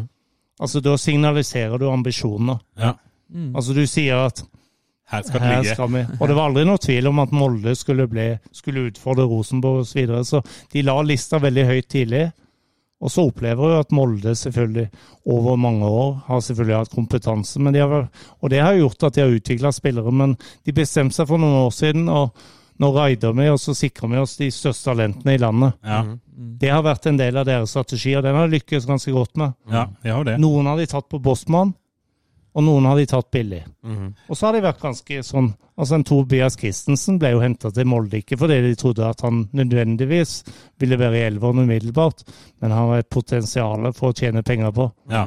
Og når, når de så kanskje etter litt tid at det var kanskje ikke helt det de så for seg, så skyfler de de videre. Ja. Og tjener noen penger på de for det. ja, ja, men det er jo Det, det høres jo litt ut som Magni Fannberg, på en måte. Det, det, ja, bare i mye mindre skala. ja, i mye mindre skala, selvfølgelig, men han har jo litt av samme Hente ungt billig, selge um... spillere som du på et eller annet tidspunkt kan selge, selv om de ikke slår til. Ja, for det at det, det er jo ingen tvil om at framtida for profesjonell fotball i Norge i dag, det er å utvikle gode, talentfulle spillere. Ja. Det er der oppsida ligger. Ja. Og For det, det, det ser dere hvordan det eksploderer på overgangsmarkedet. Altså en Ja. 30 millioner for en klubb i Holland eller i, ja. i Portugal ser jo ut til å være ingenting. Ja. Men det er halvdelen av driftsbudsjettet til Start på ett år. Ja. Ja, men det er det. Ja, det er det. Det er for utrolig mye penger. Så hvis du kan ha en 19-åring som du plutselig kan selge for 30 millioner, Ja. ja, så skaper du jo en trygghet og en mulighet for å drive profesjonell fotball. Ja. Så det, det, det må Og Start har ingen andre muligheter. Nei, men De hvor, har ingen andre muligheter. men hvor mange eh, 19-åringer har de, da? De har, Altså, de har de har ganske mange. Men hvor, hvor Altså, eh, de talentene kommer jo ikke fra Altså, de tas jo ikke bare opp av hatten. Og det er det jeg sier, at talentutvikling krever veldig mye både ressurser, tid og kompetanse. Ja. Og, og selvfølgelig en, Du er nødt Altså, Start valgte jo i 17 å kvitte seg med sin egen barne- og ungdomsavdeling 2017, ja. Ja. ja. som en del av pakka. ja. en, av de, en av de største feilene i klubbens historie. Det vil sikkert noen si nå at det var kanskje ikke det lureste, men det svekka kraften i det arbeidet. Det tror jeg er lov å si. Ja. For det er nå engang sånn at Start hadde lange tradisjoner, kultur for det her, og, og viste at det var en mulighet. Men da må du erstatte det med et enda bedre samarbeid med de lokale klubbene. Ja. Og, og, og, det er der nøkkelen ligger. For det at talenter, eller lovende spillere Jeg liker ikke så ordet talent, for det, talent er misbrukt. Det er altfor mange som får stempelet talent. Ja. Altså Folk som ikke engang kan knytte skoa, blir kalt talenter. Da. Og det er, jeg får helt vondt, for det er at mange som på en måte får stempelet og bildet sitt i avisa, vil aldri nå profesjonell fotball. Mm. Det kan du se, vi som har holdt på med det her, men, men, men det blir å sende feil signaler. Du må vite det her, og det er klart at de som skal jobbe med det her, må vite, må ha referanser, som vi kaller det. De må vite hvor, hvor er det vi søker hen. og Det begynner med at det er lovende spillere rundt på Agder, Mm. og de må pleies gjennom de lokale klubbene. Ja. Og så må du på de rette tidspunktene ha stadig vekk mer påfyll. Ja. Og så er spørsmålet når skal de komme over. Ja. Før i tida så var det naturlig skille mellom ungdomsskolen og videregående. Ja. Nå er det mange som mener at det må komme tidligere. Ja. Det er delte meninger om. Ja. Det er det delte meninger om. For det at det lokale miljøet, tryggheten som ligger i din egen klubb osv. Kompiser. Definitivt. Som er vanskelig. Men det, det er jo kommet noe som er det akademiklassifisering nå. Som betyr at det ligger masse incitamenter fra norsk toppfotball hvis du driver et såkalt akademi. Jeg, bare, jeg, jeg er nødt til å Ja. si noe her, fordi at Ja. eh, jeg har jobba lenge nok i ungdomsskolen til å vite at eh, det kan godt hende at man kan eh, få til noe med ungdomsskolebarn. Ja. Men hvis det er ett sted du skal ha kompetanse, så er det i hvert fall der hvis du skal få det til å fungere. Du kan ikke bare sette inn en random keys, og så får du ungdomsskolefolk til å bli Eller ungdommer til å bli noe. Det må være Det må være ordentlige folk, altså. Ja, det må det. Og så, er det jo en del ting, og det viser seg jo nå blant annet det, at det å få spille seniorfotball relativt tidlig ser ut til å være et viktig Yes. ingrediens i å utvikle en toppspiller. Ja. Og det er klart at hvem er det som tør å hive? Og jeg vil jo si at Start har noen veldig gode eksempler. F.eks. det de gjør med Jasper nå. Ja. Det er jo en bevisst strategi. Mm. Ja, det er jo en investering, Ja, rett det er en investering, og det er jo fordi de ser på Jasper, ikke for at han skal holde Start i Eliteserien, men han kan vi få noen penger for om noen Ja. år. Og det er fair. For det må bare passe på at du får en Jasper 2 etter han, da, eller 3 og så Ja. videre. Men eh, den jobben som ble gjort i sin tid med Kristoffer Ayer, Ja. var en veldig god jobb for Start. Ja. Men det, han, han, han fikk vi jo litt sånn i fanget. Du fikk han i fanget, og jeg vil jo si det at det er ikke sikkert Kristoffer hadde fått den muligheten hvis ikke han var fullvoksen allerede når han var 16. For det norsk toppfotball er veldig fysisk. Ja. Men han var jo altså Vi hadde jo en episode med Kristoffer Øya. Han var jo også eh, den Ja, det er jo sikkert feil å si, men en av de mest profesjonelle i klubben allerede som 16-åring. Ja, helt- I treningsarbeid og så videre. Så, så, så selv, om, selv om vi var heldige med han, så, så Det var jo helt naturlig å gi en eh, sånn en 16-åring tillit, Ja, ja. Eh, Når du er eh, Og de der kan det ikke være mange av, tenker jeg. Jeg, Som, altså, som er såpass eh, oppe allerede i 16-årsalderen, tenker jeg. Nei, du Nei. ser jo hva han spilte mot i helga, på en måte. Altså, altså, du ser jo hvilken scene han er på nå. Ja. Altså, men men det finnes jo, jo flere scener enn Premier League. En. Det må jo være mulig å kunne forvalte en 16-17-åring uten at det nødvendigvis skal bli Altså, Vi snakker jo om at vi skal bli et stabilt eliteserielag Ja, òg. ja, ja. Altså, det går jo an å få mer. ja, og i det så ligger det kanskje at er det mulig å finne modeller som på en måte stimulerer en del av det som er viktig i utviklinga. F.eks. kan en se for seg at flere av 16-åringene hos Start heller spilte på seniorlag i fjerdedivisjon. Ja. Ja, sånn, ja. Mm. Skjønner du? Ja. Som en del av Jeg sier ikke det at kamparenaen er ikke, ba, det er ikke alt, men Nei. det er en viktig del av det. Ja. Og det, det er jo en diskusjon som går hele tida. Altså akademi, spill, trening versus det å være i et skikkelig seniorlag. Ja. Der det teller litt, og der du slåss, må slåss litt. Var det ikke sånn med, med sånn Segeberg og Salvesen òg? Var ikke de òg tidlig på A-lag for Jo, vigør og sånn? hospiterte og Og, og, prøvde seg liksom voksenfotball. 100% 100 eh, Det er ikke meninga å, komme med digresjoner her, men jeg har eh, Vi skal jo jeg Bare litt kronologi her, Ja, ja. Benestad, hvis det er greit. For det, eh, Teddy forsvinner jo på en måte fra klubben sånn sent på 90-tallet der, og, og drar til Skien og alt dette her. Men, og det trenger vi ikke å dykke så mye inn i. Men, men det kommer jo en ny generasjon startspillere på begynnelsen av 2000-tallet, som kulminerer i en sølvmedalje i 2005. Hva, hva gjorde klubben riktig i den perioden? Det var jo noen investorer der som hadde litt penger. altså Var det kompetente mennesker i klubben på den tida da? Jeg vil påstå at Erik Soler kommer jo på, seilende på ei fjøl. Ja. Mm. Erik ble ikke invitert til klubben. Erik har fått klar beskjed om at han er ikke ønska på Lillestrøm, som han egentlig ønsker å være i. Ja. Det er hans klubb. Han får klar beskjed i Bergen. Jeg tror det var en eller annen investor i Bergen som sa det at han skulle gladelig betale han ut av byen. Ja. Altså, han fikk en kald skulder i Bergen. Men så har han hytte på Sørlandet, da. Mm. Og så begynner han å tilnærme seg litt starttalen, og den gangen så er det jo Ingebretsen som er daglig leder i klubben. Og de ser en mulighet. Altså, de ser en vinn-vinn her. Og jeg vil jo påstå at Erik Soler hadde jo da tidligere toppspiller, vært litt trener, Mm. men han var først og fremst invest... Altså, han var jo agent. Ja. Han kjente profesjonell fotball bedre enn de fleste. Mm. Og så får han jo med seg Ravnås, men det som skjer, det er jo at plutselig så kommer det planer om et flott stadion. ja. Litt, da er vi tilbake til det Ja, da er vi tilbake. Ja. Og han begynner å, å på en måte si at vi skal drive en profesjonell fotballklubb, det sier han. ja. Og motoren i det her skal skje gjennom et moderne stadionanlegg. ja. Og vi hadde ikke hatt Sør Arena hvis ikke det var for Erik Soler og de kreftene som han fikk i spill. Mm. Så jeg vil jo påstå at kompetansen med Erik var veldig viktig i den perioden. Så det var ikke bare pengesekken til Nei, Ravnås? og- Nei, det, jeg vil ikke si det. Og jeg vil jo òg gi masse ros til Tom, til Tom som trener, for det er klart, Tom var jo på sitt beste. ja. Tom hadde jo allerede vært i Odd, og han hadde vært i Vålerenga osv. Så, videre, så han var jo en fullbefaren hovedtrener med store ambisjoner. Samtidig så var han litt heldig, for det at det var jobba opp en god gjeng. som Ja, nettopp, nettopp. Mm. Og Det vil jeg gi masse ros til bl.a. til Bård Wiggen, Ja. som hadde hatt For det Start går gjennom og taper tre kamper. Ja, ja. etterpå. Ja. Ja, Men han lar de unge spille, ja. Mm. til tross for at de får smell på smell. Altså, Doffen og Marius og de her Mm. spiller, ikke sant? og får masse fin erfaring som Tom drar nytte av året etter. Er, det, er det dette Erik Soler ser, eller er det bare Det er litt tilfeldig? tilfeldig. Det er litt tilfeldig, for det at klubben raser jo litt og må gjenoppbygge seg sjøl litt, Mm. ikke sant.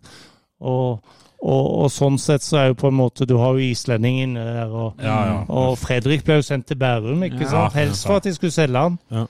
Og, og det er klart, Men når Fredrik kommer tilbake igjen, så blir jo Fredrik en de kan bygge opp laget. Så det, det der er litt tilfeldig. Ja. Det der er ikke noe god plan på. Det er litt tilfeldig, tilfeldighetene, men gode folk ser mulighetene. Ja. Men eh, det er jo tross alt eh, årets sesong vi drømmer om, på en måte. Eh, er det mulig for en eh, naiv fotballsupporter på rundt 40 år å tenke at 2003-sesongen var vår fjorårssesong, og eh, fordi måtte, klubben måtte begynne litt på nytt igjen? Og, altså, er det mulig å trekke noen paralleller her, bortsett fra den stadion, som nå egentlig Nå er jo stadion eh, en Ironisk nok eh, en begrensende faktor da, for klubbene. klubben. Men eh, er, det, er det mulig sånn sportslig sett å, å trekke noen paralleller med, med det at man har latt mange unge spille unge spillere spille i fjor, og at det bør kunne gi frukter i år? Er det, er det, er det rom for et håp for en stakkars Ja. ja. Det er alltid håp, og jeg har lyst til å si at Sør Arena er der. Den er bygd. Ja, Og den er fortsatt fullt mulig å få mye mer ut av. Ja. Okay. Men det er jo klart at Start er jo blitt en leiledning, en leietaker der. Ja. Uh, og det, det var jo ikke hensikten Nei, når han ble bygd i det hele tatt. og husk nå det at det har vært lettere tanker om at du skal tilbake på Kristiansand stadion. Det er ikke tilpassa for profesjonell fotball. Nei, nei. Så hvis du vil drive profesjonell fotball i Kristiansand, og vi bør ha et profesjonelt fotballag i Kristiansand, Ja. vi er landets femte først. Hvis vi vil det, så må vi ha en arena som er tilpassa profesjonell fotball. Og det er ingen arena, bortsett fra Sør Arena, som oppfyller de kravene. Men hvis 10 av eh, klubbens eh, budsjett går til leie av stadion, så er jo det Det er jo vanskelig å drive få til Jo, dette. men samtidig så vil jeg påstå Jeg har jo jeg er litt usikker, men jeg registrerer jo at et sted mellom 4 og 5 millioner i året Ja. går til å være på stadion. Det er ganske mye, det. Ja. Ja, det kan du godt si, Det er ganske lite hvis Start Ja, hadde vært en storklubb. ja, det er 10 av omsetninga. Ja. Samtidig så er det et fantastisk stadion. Ja. Altså, dere har jo vært på KFUM, og det har vært på Grorud Ja, ja, ja. osv. Raufoss. Jeg skjønner Raufoss. Ja. Her kommer du inn på et stadion, og jeg har hatt masse gjester fra utlandet. og det, det er klart, det, Hvis du går inn i engelske seriesystem, det er ikke alle som har et sånt stadion som det her. er. Nei. Noen ganger så får jeg inntrykk av at noen av spillerne som kommer til Start, enten de kommer fra Sverige eller blad i blad, så kommer de til Start, og sånn, så snakker de sånn Å, det var så flott der. Ja. At Det virker nesten som at, de, de, at, at stadion gir Start et sånn preg av å være en enda større og bedre klubb enn de i realiteten har vært de siste åra. Ja, men det gjør de jo òg, da. Ja. Det gjør det. Og, og, det, og det skal det egentlig være. og Det synes jeg at det er noe av Starts pre. For det at det er noen store klubber i norsk fotball, Ja. og Start er blant de. Ja, ja. Og Det syns jeg ikke klubben skal være så redd, redd for å si. Fredrikstad er jo det. Ja. ja. Brann er det, Viking er det, Rosenborg er det. Det er noen klubber som har en historie og noen tradisjoner som ingen kan ta fra dem. Og Det må du aldri være redd for å bruke.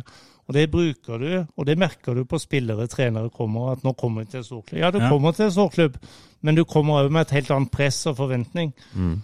Det som er min utfordring, det er at nå må Hvis vi skal ha en storklubb her igjen, så må folk bestemme seg for at vil vi ha en storklubb? Ja. Vil vi ha, vil vi tilbake igjen? Mange snakker om det. Mange kommer at vi bare må få noen penger og noen snille onkler osv. Det holder bare ikke. Det her er masse ting som må inn. Og som jeg sier, du må finne en driftsmodell som er, som er bærekraftig, som det er så fint det heter i dag. Ja, ja. Du må finne en bærekraftig driftsmodell. Den har ikke Start i dag. Nei. Og det, vi, nei, må den har ikke Start i, dag. Og før den får det, så kan den ikke drømme om å nå opp der du vil. For det at nå, nå er avstanden så stor til toppen. Før kunne du sikkert gjøre en, et opprykk, og så Ja. kunne du overraske. Den tida er forbi. Ok. Ja. Men du, Lars, vi tar en liten jingle nå, og så skal vi bore mer inn det der Ja, greiene. Det vil ja, ja, det er jeg lov å dykke si. mer i.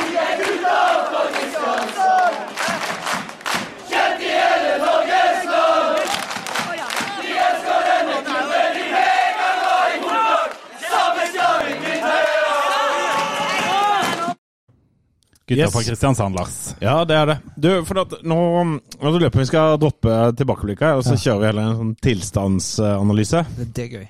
Ja, det er litt det. Altså, jeg syns jo det var veldig interessant det du nettopp eh, sa, det med å drive bærekraftig. Ja. Men jeg har litt lyst til å eh, selv om vi skal eh, droppe nei, tilbakeblikkene, så har jeg litt lyst til å gå tilbake til Start en drøm. ja. F- ehm, du var jo Engasjert, i hvert Ja. fall. Ja. ja. Mm. Fortell litt uh, om 2017-2018-problematikken. Nei, jeg fulgte jo veldig godt med på, og jeg så jo frustrasjonen og oppgittheten i klubben på vinteren, våren 2017. Mm. Det var ikke veldig vanskelig å lese at klubben hadde store økonomiske utfordringer. Daglig leder Even den gangen ga jo klart uttrykk for det. Det var frustrasjon i klubben. Ja. Det var en intern kamp litt mot seniorrådet osv. Ja, det der årsmøtet Ja. ble nokså intenst. Så skjer det et eller annet som kanskje ikke så mange ser, men, men, men det kommer opp et forslag da, Ja. om å gjenoppta dualmodellen. Som vi hadde i 98. ja. Mm. Og det som er interessant, det er jo at det er en helt ny gruppe som ikke du hadde forutsett. Ja. Og Det du alltid har forutsett i Kristiansand, det er jo at en del av de velstående i byen. Kurt Mosvold og noen Ja, kompiser. Ja. Ikke sant? Men plutselig så kommer det et helt nytt miljø med et par sørlendinger og noen ekstra. Altså et spillselskap, eller noen som har bygd opp et spillselskap på Malta. Ja. Gaming Innovation Group. Ja. Nå er det ikke de som kommer inn, men de som eier selskapet, kommer inn med sine penger. Ja. Jeg er en sterk tilhenger av dualmodellen. Jeg mener det er et godt verktøy for å bedrive profesjonell fotball i Norge. Men en del av premissene som lå til grunn der, var jeg ikke helt happy med. Blant annet det at det ble signalisert at barne- og ungdomsavdelinga skulle ut av stat. Det skjønte jeg aldri. Nei. Og det tenkte jeg, det er en del av DNA-et til klubben. Men kan du huske hva argumentasjonen til investoren var for å fjerne det? Nei, ikke før etterpå. Mm. Etterpå så fikk jeg et inntrykk av det at det var, det var aldri noe tvil om at de skulle være opptatt av talentutvikling, men at talentutvikling skulle i mye større grad være at du skulle finne spillere, gjerne i Afrika, eller rundt forbi, som var mot slutten av ungdomsåra, så skulle de på en måte gjøre de klar gjennom start. ja, så de skulle på en måte hente det mye lenger bortifra. Ja, Den leste Pelé kom ikke lenger fra Setesdal, han kom fra Nigeria. Ja. Og, og du så jo veldig fort òg når, når det kom inn Det ble jo ansatt en ny sportssjef, Tor Christian Karlsen, og det er klart det ble veldig fokus igjen på Afrika. da. Ja. som ofte har vært en sånn, et sted mange har søkt. ikke sant? For det at ja, andre klubber både i Europa og i Norge har jo hatt suksess med å hente afrikanske unggutter og polere det opp. da. Men du- Satt du på det årsmøtet når dette Nei, men jeg fulgte det på TV, da. For FV-en Ja, Jeg gjorde det, og det er klart at jeg så jo det at det var de ti millionene kronene som de ville få med underskrift av For da var klubben i utgangspunktet teknisk konkurs. Ja. Kunne ikke betale regningen. Så de ti millioner kronene de ville få dagen etterpå, hvis årsmøtet ga tilslutning på det her, var helt avgjørende for videre drift. Og det var nok det som på en måte overbeviste årsmøtet om at vi kan ikke stille noen kritiske spørsmål her. Vi må ikke miste den muligheten, da er vi ferdig. Det var litt gisselsituasjon, høres det ut Ja. som, på en måte. Og det har det vært mange ganger. Ja, det har det dessverre. Men øh, øh, hvis vi holder oss tilbake til det bærekraftige som du Ja. snakket om, da. Hva, hva var det som gjorde at øh, Start en drøm endte som eh, ikke bærekraftig? Det er kanskje vanskelig å svare kort på, men hvorfor var ikke det bærekraftig? Nei, for det at for det første så er det jo sånn at i en dualmodell så har du plutselig to Du har to virksomheter som skal Ja. forenes i én. Ja. Du har en klubb, og du har et selskap. Ja. Og så er det jo sånn at klubben overdrar rettighetene på spillere, de kommersielle rettighetene, billettinntektene osv. Og så er det jo veldig ofte sånn at når de overdras til et selskap, så er det jo ikke det at eierne skal bruke sine egne penger tilbake til klubben, for klubben må ha penger hver måned til lønninger. Ja. De skal opparbeide de her rettighetene. Men for å opparbeide de her rettighetene, så må du være dyktig, da. Ja. For det at du har jo fått rettighetene på å selge spillerne og inntekter her. ja. Men du kan ikke bare skrive en e-post eller legge ut på hjemmesida 'nå har vi tre spillere til salgs'. Det er jo en stor jobb. ja. Og hvis du skal ha folk inn på stadion, så må du ha folk som vet hvordan du får folk inn på stadion. Og hvis du skal selge samarbeidspartnere eller kommersielle partnere, så må du jobbe med det. Ja. Og det lå i selskapet. Men fordi at selskapet aldri kom opp fra kneskråene, Ja. så ble det emisjon på emisjon på emisjon. Altså Ja. Eierne må sjøl inn med egne penger, og da vet du åssen det er. Ja. Til slutt blir du lei, Ja. spesielt hvis ikke du får lov til å ta de viktige avgjørelsene som ligger i klubben. Men jeg, tenker du at det er det som splitter selskapet og klubben, sånn samarbeidsmessig? Det at de til stadig må inn med sine egne Ja, midler? jeg, jeg tror jo det at selv om noen har sikkert mer penger enn oss, så, så er det, det, er en grense for hvor mye penger du har lyst til å bruke.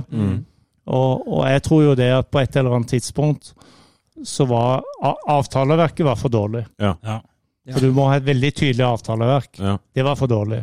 Og det her vet jeg jo fordi at det var jo sånn at året Altså på slutten av 20, var det vel, så ble jo jeg invitert av valgkomiteen i utgangspunktet og Gelmøyden for å hjelpe til. Og noe av det vi gjorde, det var at vi lagde et forslag på en ny organisasjonsplan som ble lagt fram for årsmøtet i 2020.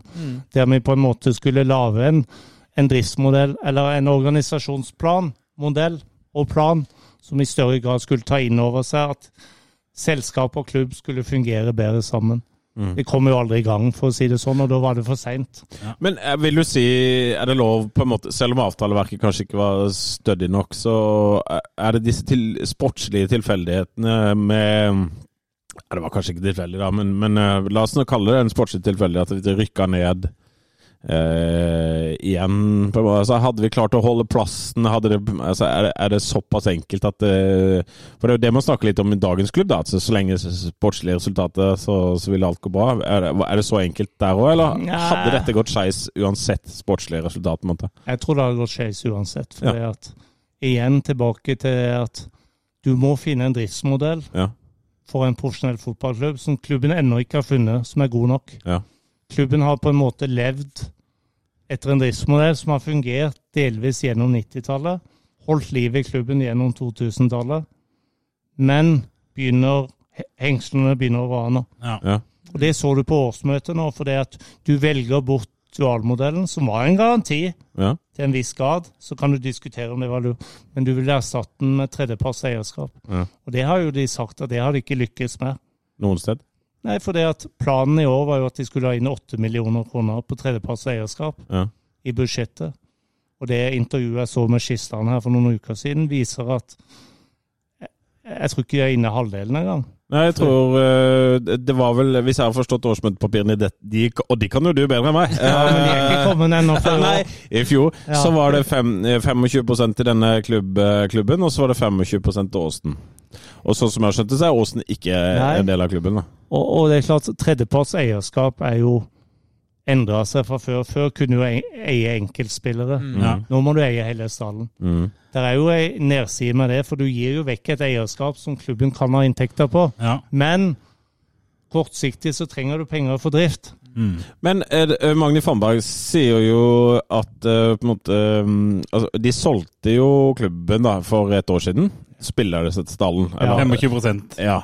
Uh, og da det, altså, Nå vet ikke jeg hvor han har det tallet altså, Han hadde vel fått transfermarkt, eller noe sånt. Snakker om spilleverdier, da. Det var uh, 8 til 45. Jeg husker ikke engang hva det er, om det er prosent eller hva det er for noe. Så har økt spilleverdien.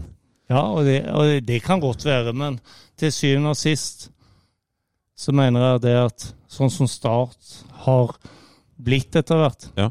Så er det ikke så mange muligheter lenger. Altså, de store inntektene for en profesjonell fotballklubb i dag ligger på overganger. Ja, men, men er det ikke da Hvis vi skal bare ta den diskusjonen, er, er, det ikke, er det ikke på en måte bedre å, å, å eie Altså eie 70. 75 enn en 50 for uh, Er det ikke bedre?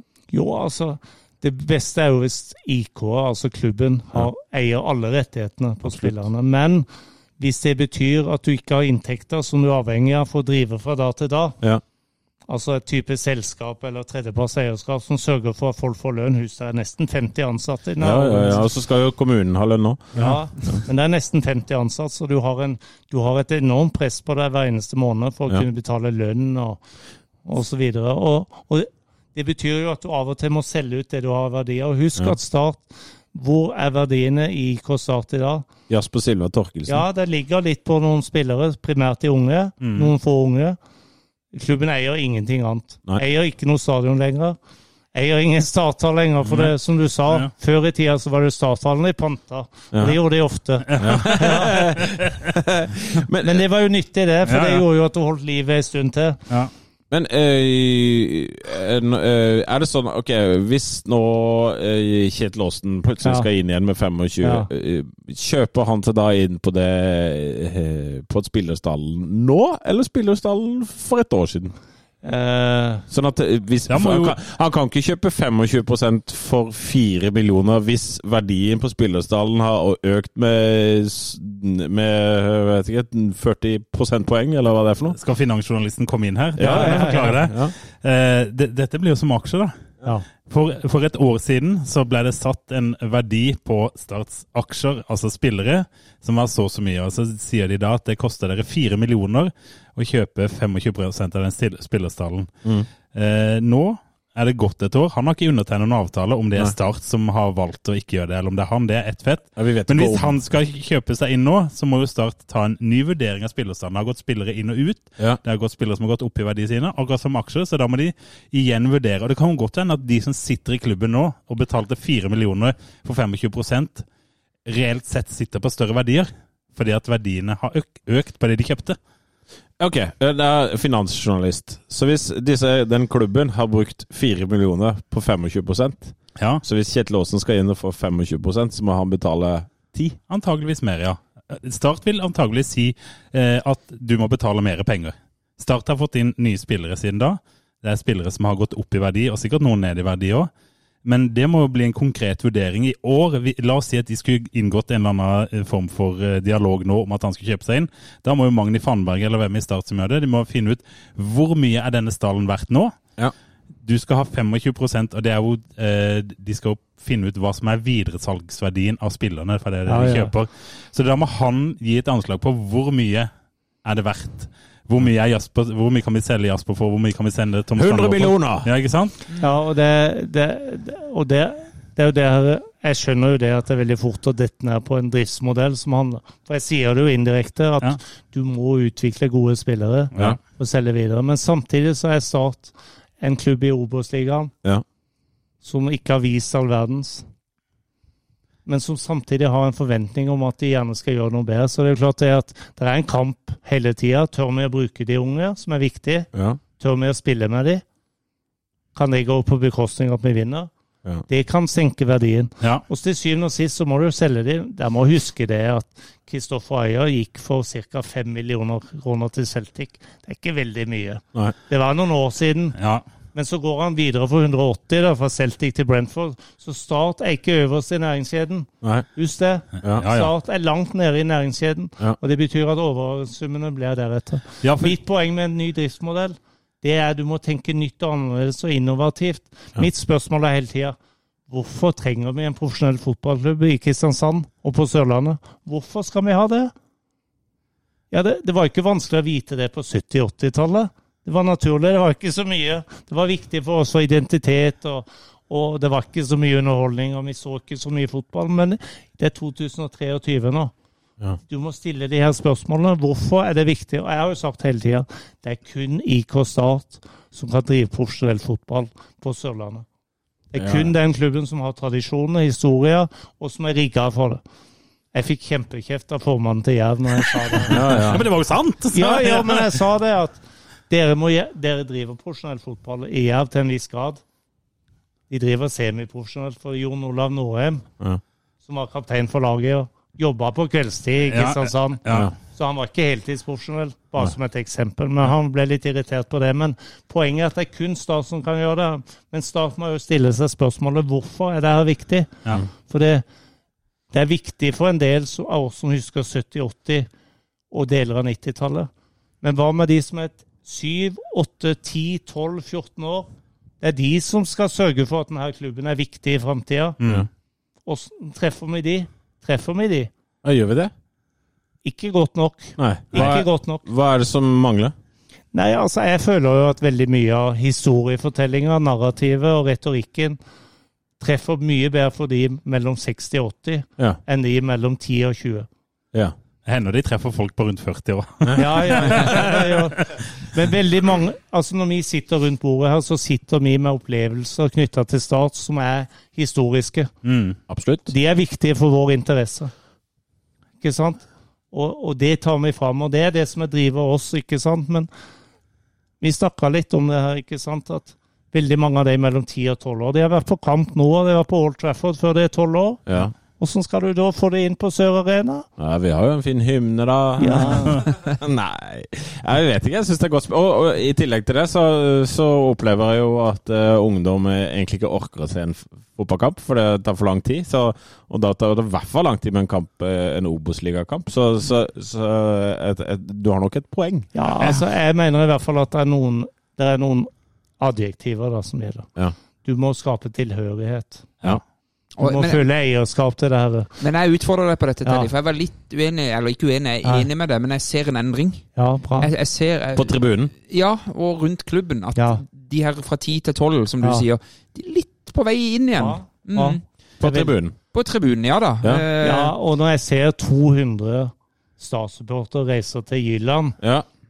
Det var litt av en reise, skal jeg si deg. Men som jeg ser, så vet vi at det, ligger noe her som er fantastisk. Det ligger et Ja. engasjement og interesse. Ja. Men det må skapes et helt annet eierskap og tilhørighet til en profesjonell klubb i Kristiansand og for Sørlandet. Ja. Og nå knytter Teddy neven her. Ja, det det. Og, og her er det mange ting. Og jeg pleier å si, bare gi et eksempel. I hvert fall når mine barn ble født, så var det sånn at du hadde valget mellom to ting på fødestua. Det var enten en rosa eh, de skulle ha på seg, eller noe blått. Ja. Ja. Hvorfor burde det ikke være en startdrakt der? ja, ja, selvfølgelig skulle det det. Altså, idet en borger kommer ut, så burde det være et eller annet som signaliserte Ja, ja. allerede nå så skal vi ha det i den retninga. Det, var- det var et eksempel. Ja, ja. We are underways, kan Ja. det stå. Ja, og i dag så er det jo sånn at du må, du må bygge ting rundt klubben som ikke alltid er fotball. Mm. Altså, Det viktigste produktet i en profesjonell fotballklubb er til enhver tid laget. ja. Det må aldri være tvil om det. Det er de elleve som løper ute der. Men tilhørighet og engasjement rundt klubben kan skapes på veldig mange ting. Og det at folk kan være en del av en klubb, uten at de nødvendigvis spiller på A-laget, men de opplever at er en del av denne klubben, det tror jeg det er mye å gå på. Ja, Og, da, er det litt sånn igjen det du sier med det, eh, det at de dytter bort eh, barnefotballen i start. Ja. Kan ikke nettopp det i utgangspunktet være med å drive inn folk til å ha et sånn engasjement og en tilhørighet til klubben, eh, selv om de ikke blir profesjonelle fotballspillere? Men ja, jo, men eh, altså, er det er, Ok, kanskje du ved å ha barndomsklubb der, men eh, vil du ikke være mer fornuftig for å få fram lokale talenter at du eh, heller utdanner trenere i klubbene rundt? Jo, altså det kan du godt si. Nå, nå hiver du deg over på en stor diskusjon. Men det er klart at det er noen, det er noen arenaer i Start som er ganske unike. Ja. Og den der tirsdagsklubben med de gamle Ja. er unik. Den appellerer veldig til opptil 100 stykker hver tirsdag. da. Ja. Men det er eldre, de er eldre, og de er viktige. Men hvorfor skulle du ikke ha gåfotball eller pensjonistfotball? Hvorfor skal ikke Start kanskje drive danseskole eller et eller annet? Mm. Altså, tenke litt utradisjonelt på det at du er 2023. Alt må ikke handle om at du bare skal utvikle talenter Nei. til et A-lag, for de færreste kommer aldri gjennom. Ja. Men du, du Men- skal utvikle gode folk. Du må ha mikrofonen nærmere Ja, munnen. Du skal utvikle Altså, du må skape Du må skape et lokalt eierskap, tilhørighet til en lokal klubb, og du må sørge for at det er kort vei. Og det betyr at Vi har ikke noe godt ord, men football in the community. Ja. Det må være Jeg syns det var fantastisk. Jeg berømmer Lillestrøm rett før jul. Så arrangerte de julemiddag for 120 som ikke som syns det er veldig kult. Mm. Er ikke det kjempekult, da? Jo, Ja, ja. det er fantastisk. Og det kunne sikkert mange organisasjoner i Kristiansand, Blå Kors, og de gjør jo det. Men hvorfor gjør ikke toppklubben det? Mm. Start har jo et gatelag, hadde ikke det i det minste? Jo. Jo. Jo. Det, det har de. Og det er, noe, det er Men, du, noe, du må, det òg. men det er som jeg sier, eh, nesten så det du sier, at man, man tenker litt for smått, eh, litt for snevert på det å drive eh, en toppfotballklubb. Altså, det må være noe eh, Ja, laget er det viktigste, men det må være noe mye Ja. mer enn bare det å, å holde på med den fotballgreia. Ja, Barcelona kaller det jo mer enn en klubb, er det ikke det? Jo, jo, jo. Og, og, og Start må være mer enn en fotballklubb for et A-lag som løper ut hver 14. dag. Men for veldig mange så er Start mer enn bare Ja. det som skjer på banen. Heldigvis. eh, Men ikke mange nok. Nei, ikke mange nok. Ja, for jeg, jeg mener at Start er for de fleste eh, bare er en fotballklubb. Ja da, det er de. Helt åpenbart. Men for oss er det noe mer. Ja. Men, men, men for de fleste er det bare en fotballklubb som spiller i Obos-ligaen, og som taper en, hver tredje kamp. altså, for de fleste så er Start det.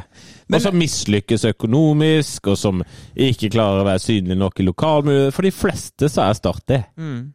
Jeg har bare lyst til å skru tilbake igjen Ja. til, til Start en drøm. Ja. jeg syns vi var for lite inne. Ja, ja, Vi blir jo aldri ferdig med det Ja, der. vi må snart det, da. Eh, men det er noe å si om at du har ennå ikke kraftigere skyts å komme med. Men, men, men denne dualmodellen, kan Ja. du lære meg? For dette her er jo jeg egentlig ikke interessert i, Nei. men jeg har lyst til å lære mer. Eh, dual, dualmodellen kjenner jeg til til deg. Ja. Men det er sånn å forstå at her må klubb, klubben og selskapet eh, personmessig må jo fungere Ja, 100 eh, Og det er mange personer involvert på begge sider her. ja. Er, ikke, er det ikke Altså, fallgruvene er ganske Ja, store. veldig, veldig. Og det var et veldig eksempel. altså Grunnen til at Gula går av det her prosjektet, her, er jo at forståelsen av rollene er ikke til stede. Nettopp. nettopp. For det er Grovt sett så skal sport ligge i klubb. Ja. Forretning ligge i selskapet. Mm.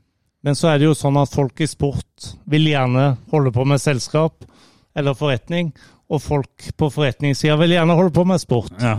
Og hvis ikke det er avklart på forhånd hvem som gjør hva Men til syvende og sist så må du ha gode ledere. Men er det ikke her Molde var flinke, da? Jo. Med at Røkke, du sier han nesten ikke har vært Du hadde prata med han, han Ja. nesten ikke vært i Molde, og liksom det, det er jo sånn jeg ønsker, kan jeg huske, at, eh, at eh, Hva skal jeg si, Langeland og co. At Ja. de var my, litt mindre involvert. Ja. Jeg skjønner det er vanskelig, for det er de sine penger osv., men, men at kompetansen lå helt andre steder enn hos investorene. Og derfor er det jo sånn at i en profesjonell fotballklubb så er det jo sånn at du velger selvfølgelig styre både i selskap og der, men de delegerer det til en administrasjon. Og i administrasjonen, det er der du må sikre deg de gode folka. Ja. Det er de som fra dag til dag skal ivareta ambisjonene, altså det som nedfelles i planverk, og gjennomføre strategiene. En slags embetsverk. Fotballens embetsverk. Ja, det er det. Og det betyr jo at administrasjonen i IK Start og i Start en drøm Det var jo to administrasjoner. Altså du hadde trenere ansatt i IK Start, og så, hadde du daglig leder. Altså Kristoffer McConnicker var jo ansatt i selskapet, men ble oppfatta som en slags daglig leder. Ja, jo i klubben, noe han aldri var. Nei, ikke sant? det er bare rod i mine ører, det her. Ja, og det var jo det her vi gikk opp på slutten, når det ble lansert et forslag på årsmøtet i 2020. Altså en mye tettere eh, samhandling mellom de her to virksomhetene, og mer satt i systemet. Og så, så, så, ble, så ble det vanskelig. Det der med daglig lederspørsmålet ble vanskelig. og Ja, for det ble det mye krangling om. Eller, Det ble veldig mye krangling om det. og Det går jo ofte på at en har ulikt syn på hva slags, hvordan skal en daglig leder være her. Ja. Og som jeg sier, daglige ledere er jo veldig viktige. Mm, For det er jo virksomhetens øverste leder i det daglige. mm. Og da har folk ulike oppfatninger av hvordan en daglig leder skal se ut. da. Ja, men, og dette kulminerer Altså, Du ble jo valgt inn som en slags sånn rådgiver Ja. til valgkomiteen Ja. for å sette sammen et, en styresammensetning av, av forskjellig kompetanse. da. Kan du bare kort, hva, du, hva slags type kompetanse mener du at bør være i et sånn IK-styre? da? Nei, altså Det vi lagde i organisasjonsplanen, da, det var jo på en måte i mye større grad å si det at vi har noen møteplasser som er viktige. Altså Du har det såkalte tekniske hjertet, da, som ukentlig møtes trener og forretningsfolk for å på en måte se hva er viktig nå de neste fem til syv dagene. Så har du jo et samarbeidsforum som på en måte i mye større grad skal dra opp linjene mellom klubb og selskap. Ja. Og så er det jo sånn at begge selsk altså både selskap og klubb har jo sine møteplasser, altså styremøter. da. Og der er det jo viktig at representanter for begge At det er tillit til at noen i selskapet faktisk kan være til stede på styremøtet til klubben, og motsatt. Ja. Mm. At det tekniske hjertet det slår, på en måte. Ja, det må slå og, Ja. og så videre. Så, så det er ikke bare det. Men, men det viktigste er jo at du må ha kompetanse, du må ha dyktige folk, og Mm. det er det ikke mange av. Det er ikke så mange som vet hvordan du skal drive profesjonell fotball. Det er ingen skole-utdanningsvei her. Det er noe, blitt noe sportsmanagement her og der. Men det er klart at det å drive profesjonell fotball, det var jo noe som ble innført i Norge i 1991. Ja. Og for å si det sånn, Start var ikke så veldig interessert i å være med ned den veien, det må jeg innrømme. Det, var ingen, det var ingen gode strategier på 90-tallet for å ta inn over seg at nå skal vi drive fullverdig profesjonell fotball. Start var en klubb som hadde slått seg opp i norsk fotball på gode verdier, kameratskap, talenter, tydelig ungdomsarbeid, talentutvikling osv. Det var nok til å være best i Norge, det. Mm. Men på 90-tallet så endra verden seg. Mm.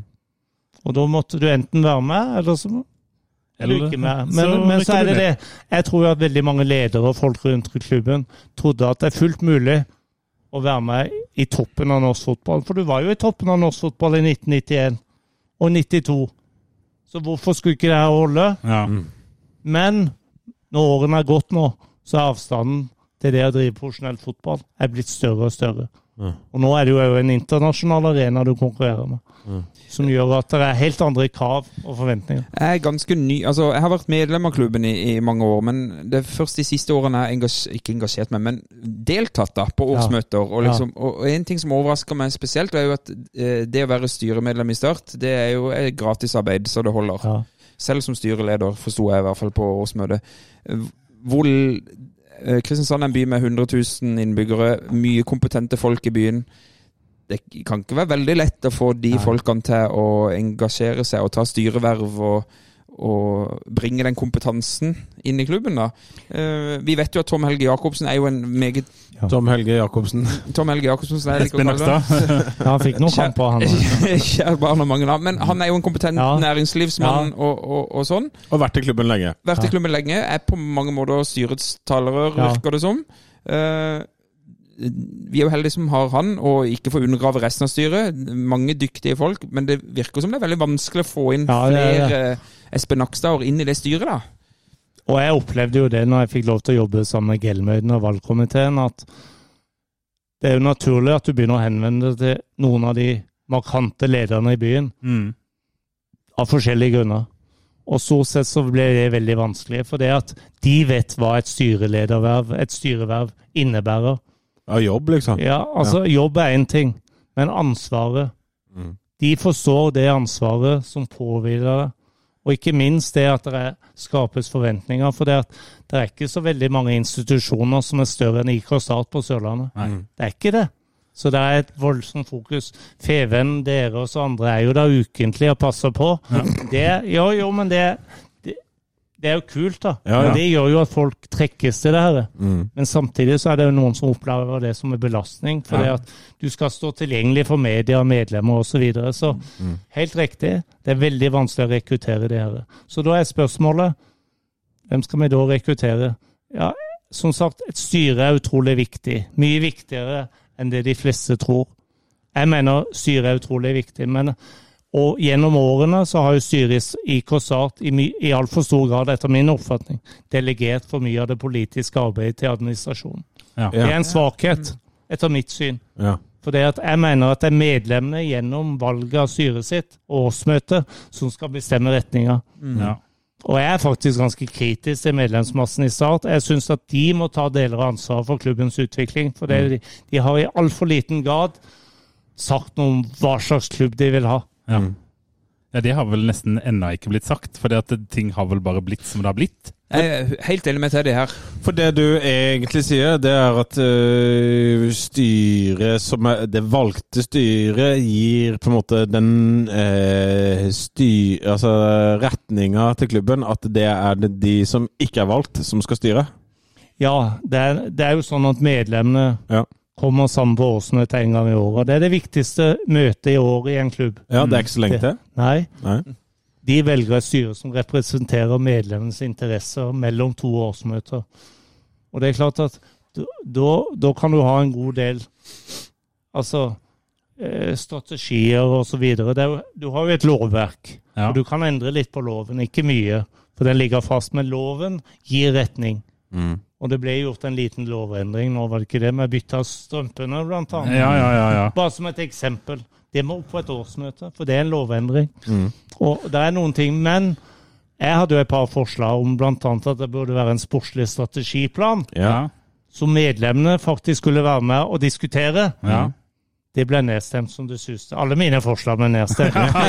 men det var jo, ja, ja, men det gjør ikke noe. Jeg ønska egentlig bare en debatt på det. Ja, ja. Jeg hadde håp på en debatt på det. For det jeg mener det er utrolig viktig for å skape engasjement.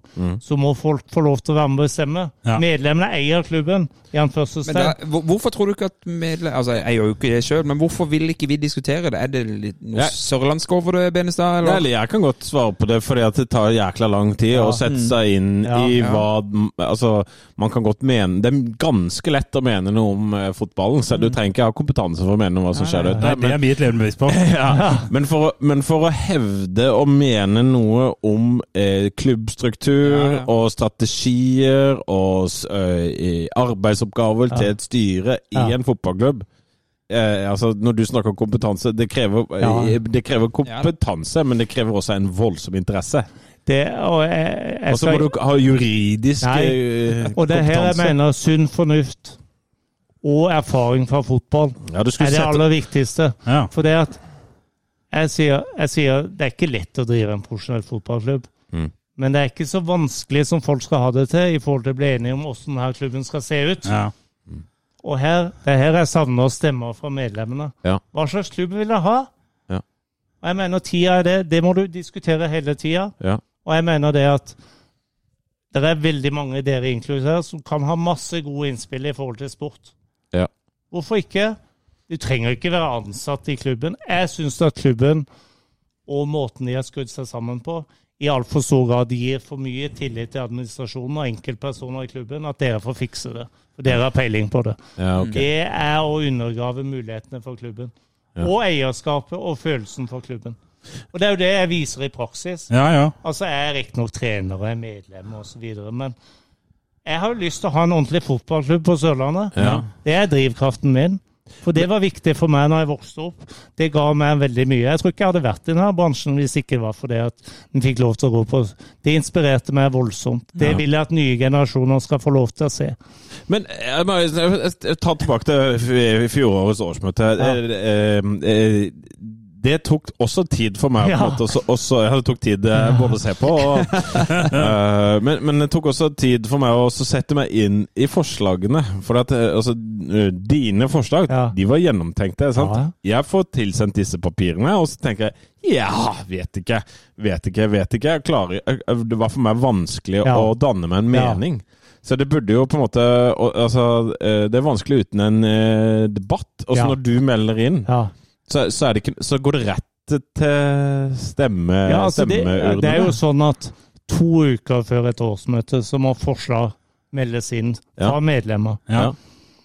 Og det er jo sånn at det var riktignok jeg som hadde signert de fleste forslagene, men jeg diskuterer jo akkurat som dere, sammen med andre Mm. Ja. som kjenner klubben. Ja. Så det, men av forskjellige grunner så er det jeg som signerer de, da. Ja. Det er dessverre litt for mye sånn kultur at Ja.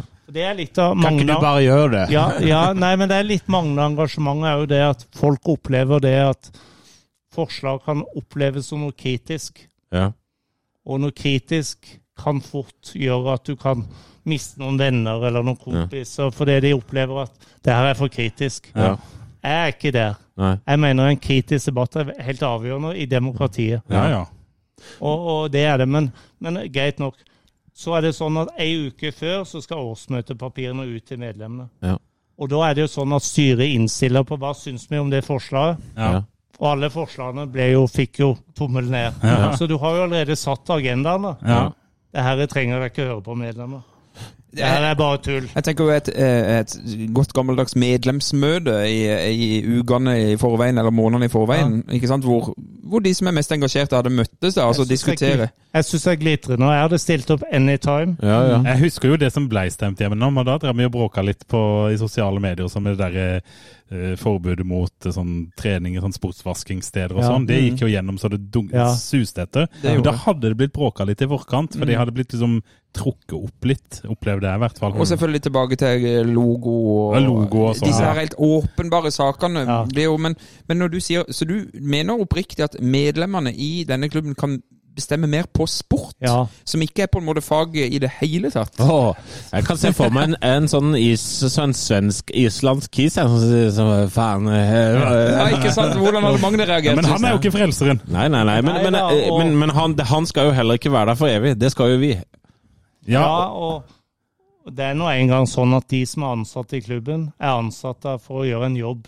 ja. Altså, De må være profesjonelle i den forstand at det er noen som er valgt i et styre, og det er et årsmøte som faktisk bestemmer retning her. Ja, men det er, jo, det er jo det som er greia. ikke sant? For Magni eh, oppfatter jeg som en meget dyktig fyr, og han er jo sjøl, eh, opptatt av at han skal styre etter de, den, den retninga Ja. som han blir gitt av klubben.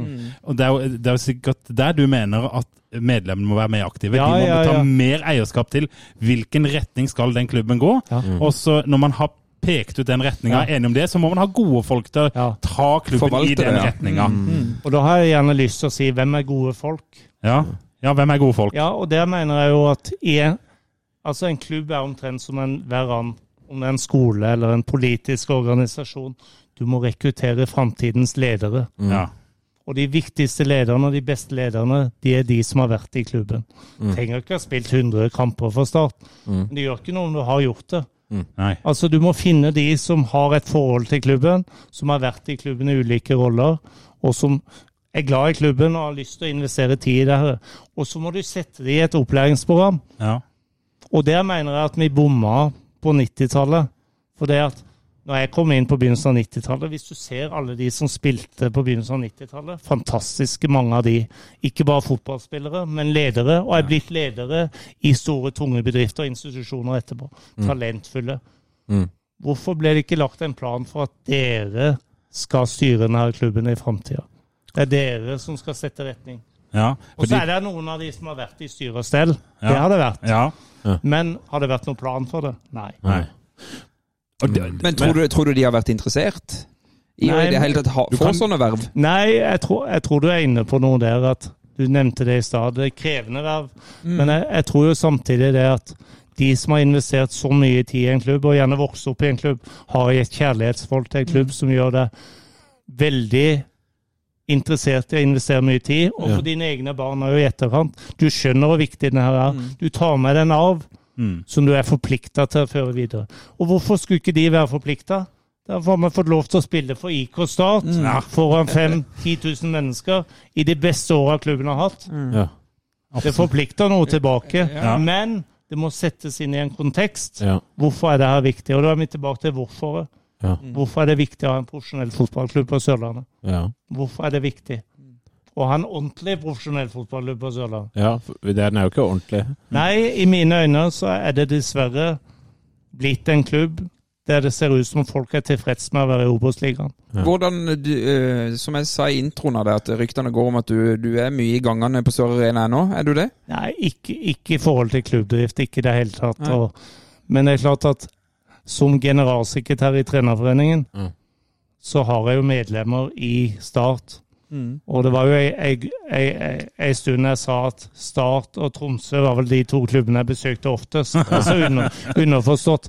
Der var det flest eh, tvister og konflikter med trenere. Mm. Men Og det er jo ikke veldig overraskende at det har vært noen i året. Nei, nei. hvor letta var du i høst etter Stabæk-kampen da, at de ikke gikk i, eh, i eh, avskjed-fella en gang til? Hvis det er lov, både, Ja. både, som, både som klubbmann og som eh, leder for Trenerforeningen? Altså, jeg, jeg mener jo at eh, av og til så er bytte av trener nødvendig Ja. og avgjørende. Ja. Jeg følte at Start på ingen måte burde gå ned den veien, Mm. av forskjellige grunner. Mm. Eh, så, eh, absolutt ikke. Og klubben har jo veldig ofte bytta trener. Noen ganger fornuftig, andre ganger ikke. Skal jeg bare skyte inn at etter at du var trener i Start, Ja. så har vi hatt 18 trenere. Og det, det sier jo litt om at det her er, ikke bra drift. Det er ikke det. Det er ikke bærekraftig å bytte trenere. En ting er at økonomien rundt det her Du betaler jo gjerne for to trenere en periode. Ja, du gjør det. Og så skal trenerne ha sine spillere, og det blir uro osv. Men noen ganger kan det være fornuftig. Men jeg var veldig glad for at, at det ikke ble noe rundt hovedtreneren. Absolutt ikke. Og nå er jo Sindre inne i enda en sesong og har skaffa seg veldig mye erfaring, kjenner klubben. og Ja. Ingen har bedre forutsetninger for å gjøre den jobben som er nødvendig nå, enn han. Altså, Hvis han fullfører denne sesongen, så er han jo den lengst. Altså, Hvis du ser bort fra Tom Nordli, så er jo da Sindre den lengstsittende siden Le- Brede leng- Skistad le- nesten. Lenger enn Mjelde òg? Ja, Hvis du ser bort ifra Mjelde. Ja. Ja, Ja, Fint hvis du hører etter hva jeg sier, så er det lettere å ha en samtale. Jeg tror kanskje det er dags for en liten jingle nå, altså. Vi tar en Ja, liten jingle. Nei, du ga, det kommer alltid på tida. Nei, vi skal vinne resten av kampene nå. Vi er underveis. Det var jo gode, gamle Karsten igjen, det. Ja, det var det. Vi er underways, det er vi òg. Og det er vel fra det året Teddy var. Ja, det lurer jeg på om det var etter han tok over det. Karsten tok over etter meg, og, og ikke noe vondt blod for det. Jeg hadde et veldig godt forhold til Karsten i alle år. Men jeg har bare lyst til å dra litt, fordi at ehm, Du snakker om eh, styre og sånt nå. Uh, altså, du vil ha gamle eller, spill, folk som har vært i klubben, til å drive, være i Nei, styret? eh, altså det jeg vil, det er at jeg vil at det skal være en plan i en klubb som Start for at Ja. du utdanner framtidas ledere. Ja. Ja, nettopp. Akkurat som politiske organisasjoner og gode bedrifter gjør. Du identifiserer talentfulle personer i organisasjonen som du sier at de skal styre denne bedriften, Ja. denne politiske organisasjonen i framtida. Er ikke det for mye, vi- for mye å kreve av en fotballklubb som Kanskje. har kjernevirksomheten langt unna for lederutdannelse? Jo, men da er vi tilbake til der at Start må finne noen fortrinn som gjør at Start kan ta opp konkurransen med de andre. Ja. Ingen klubber i Norge gjør det her. Så det her er bare et innspill. Ja, ja, ja, ja. Ja. Og ta det for det det er. Og det, og det gjøres jo andre steder. Ja, det gjøres i andre organisasjoner Mm. osv. Jeg tror det er en forutsetning for det å være leder i dag i en profesjonell fotballklubb. Du må ha kompetanse, du må ha tid, du må ha engasjement. Og så brukte du Bayern München som et godt eksempel Ja. her i stad. For dette, de har, i, sitt styre så har de tidligere spillere Ja. og legend, ledere, legender, Ja. ikke sant? Som kjenner kulturen, som har eh, førstehåndserfaring på hvordan en fotballklubb skal være. Ja, og, og det er jo ikke bare sånn at de tauer det inn. For han som nå er den sterke mannen, det er jo gamle keeperen. Ja. Hjelp meg nå. Oliver Kahn. Ja, han tror jeg gikk 18 måneder som nummer to Ja. for å lære det her. Ja. Ja, de identifiserte han som du ble den sterke mannen, som Rummenigge ikke alle har vært før han. Men du kan ikke bare gå inn. Du går 18 måneder nå sammen med han som skal gi seg. Men, men det, det må, med, med all respekt, det er fetere å reise rundt på Champions League-kamper enn å bli med, bli med til Raufoss. Vi må ikke sammenligne det. kan ikke Så, sammenligne. men, og, eh, jeg skjønner ikke mm, eh, For at Hvis vi skal snakke om at våre legender skal tilbake i klubben, så snakker vi jo 20-30 år i tid. De er jo utdatert, på en måte. Så, Jo, men det er, det er helt sikkert spillere i nyere tider som er talentfulle ledere. Ja. Jeg kjenner ikke så godt Jeg kjenner jo mange av de på 90-tallet. ja. I hvert fall første del, for det at da var jeg i klubben sjøl. Mm. Og jeg kan i hvert fall identifisere en del av de som jeg kunne sett for meg. Definitivt kunne lede Start som en ordentlig profesjonell fotballklubb. ja, Ikke nødvendigvis at det hadde blitt det utførende, men som hadde kvaliteter. men, ikke Det kan nå, jeg se nå. men ikke nå. Ikke nødvendigvis nå, for husk det var amatørfotball. Ja. Selv om profesjonell fotball ble innført i 1991, så drev Start amatørfotball egentlig helt fram til dualmodellen kom på plass i 1998. Ja, ikke sant? Så de, de hadde vært ideelle dersom de på en måte hadde vært med på en sånn, la oss si en sånn ledelsesreise i Start. Underveis her. Mm. ikke sant? Men, men du kan ikke bare komme og nappe noen ut fra en bedrift og så si at eh, du, du vet sikkert veldig godt hva de driver med i Start nå, 30 år Lars etterpå. Benestad, hvordan har det vært med Klaus Eftervåg som styreleder i Start? Kan de bare lage en spiss? Riktig. Ja, da. Så, nå er du fremme, det er Klaus igjen. Nei, men altså, jeg, jeg tror jo at jeg, jeg, Klaus Eftervåg, på en måte, altså, med all respekt jeg- du, Jeg gleder meg til du skal eh, komme i podden, men, men han lever jo i den gamle tiden hvor Start var noe annet. Hvis han da skal komme inn altså, Han kan ikke komme inn nå. Altså, ingen av Nei, for da tror jeg det på en måte Da, da tror jeg ikke han hadde hatt aksept av hva vi er, og hvor vi står, og hvor vi, hvor vi skal bli, da. Altså, det um, mm, Jeg veit ikke. Nei, jeg er litt uenig, for det at Det er fint, det er sånn vi skal Ja, ha Ja, er det, for det at det er en del verdier og en del ting som ble gjort for 20-30 år siden, Ja. som fortsatt lever veldig bra. Ja. Nettopp. Dette vet du bedre enn meg. Ja, og, og kameratskap. Ja, det betyr ingenting. Jeg mener det er mer viktig enn noen gang. Ja, ja selvfølgelig. Altså det å bygge opp en tilhørighet til en gruppe der du føler Der du er villig til å ta kampen sammen med kompisene dine. Der du er utrolig viktig. Så du vil, du vil, du vil egentlig, egentlig ha inn en kompisgjeng på fem stykker som skal styre dette? Nei, nei, jeg sier ikke det, men jeg sier Som kaller seg gig, jeg, eller jeg mener Det er noe som kalles DNA. Ja. Ja. Eh, arv. Ja. Altså, det ligger noe i Start Ja. som klubben i sin tid bygde seg opp. Start var ikke noe bedre enn Don og Vigør på begynnelsen av 60-tallet. Er dere klar over det? Ja, ja. Start var en bydelsklubb. Mm. Så er det noen som finner på noe på 60-tallet av forskjellige grunner som gjør at Start plutselig på slutten av 60-tallet tar steget opp. Blir ikke etablert som en eliteserieklubb, men det er noe som gjør at de tar en distanse til Don og Vigør. Men en del av de verdiene som ble skapt den gangen, bl.a. det her å utvikle spillere osv., det er viktigere enn noen gang. Ja.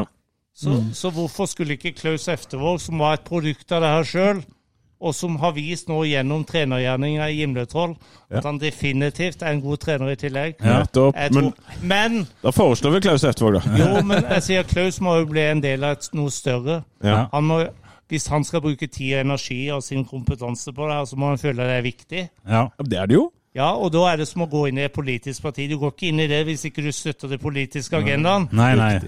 Du må føle for det her. Ja.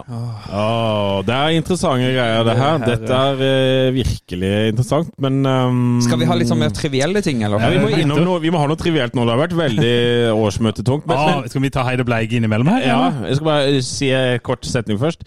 Det er jo eh, ting som kan tyde på at både i Start og i mange andre klubber så tar medlemmene mer og mer plass, og vi er på en måte ganske nye i det der. Det er jo noen medlemmer som har tatt mye plass, men, men eh, det, hvor mange var det som var med, deltok på årsmøtet i fjor, på en måte? Så, så, så det er jo i hvert fall Det var rekord, i hvert fall.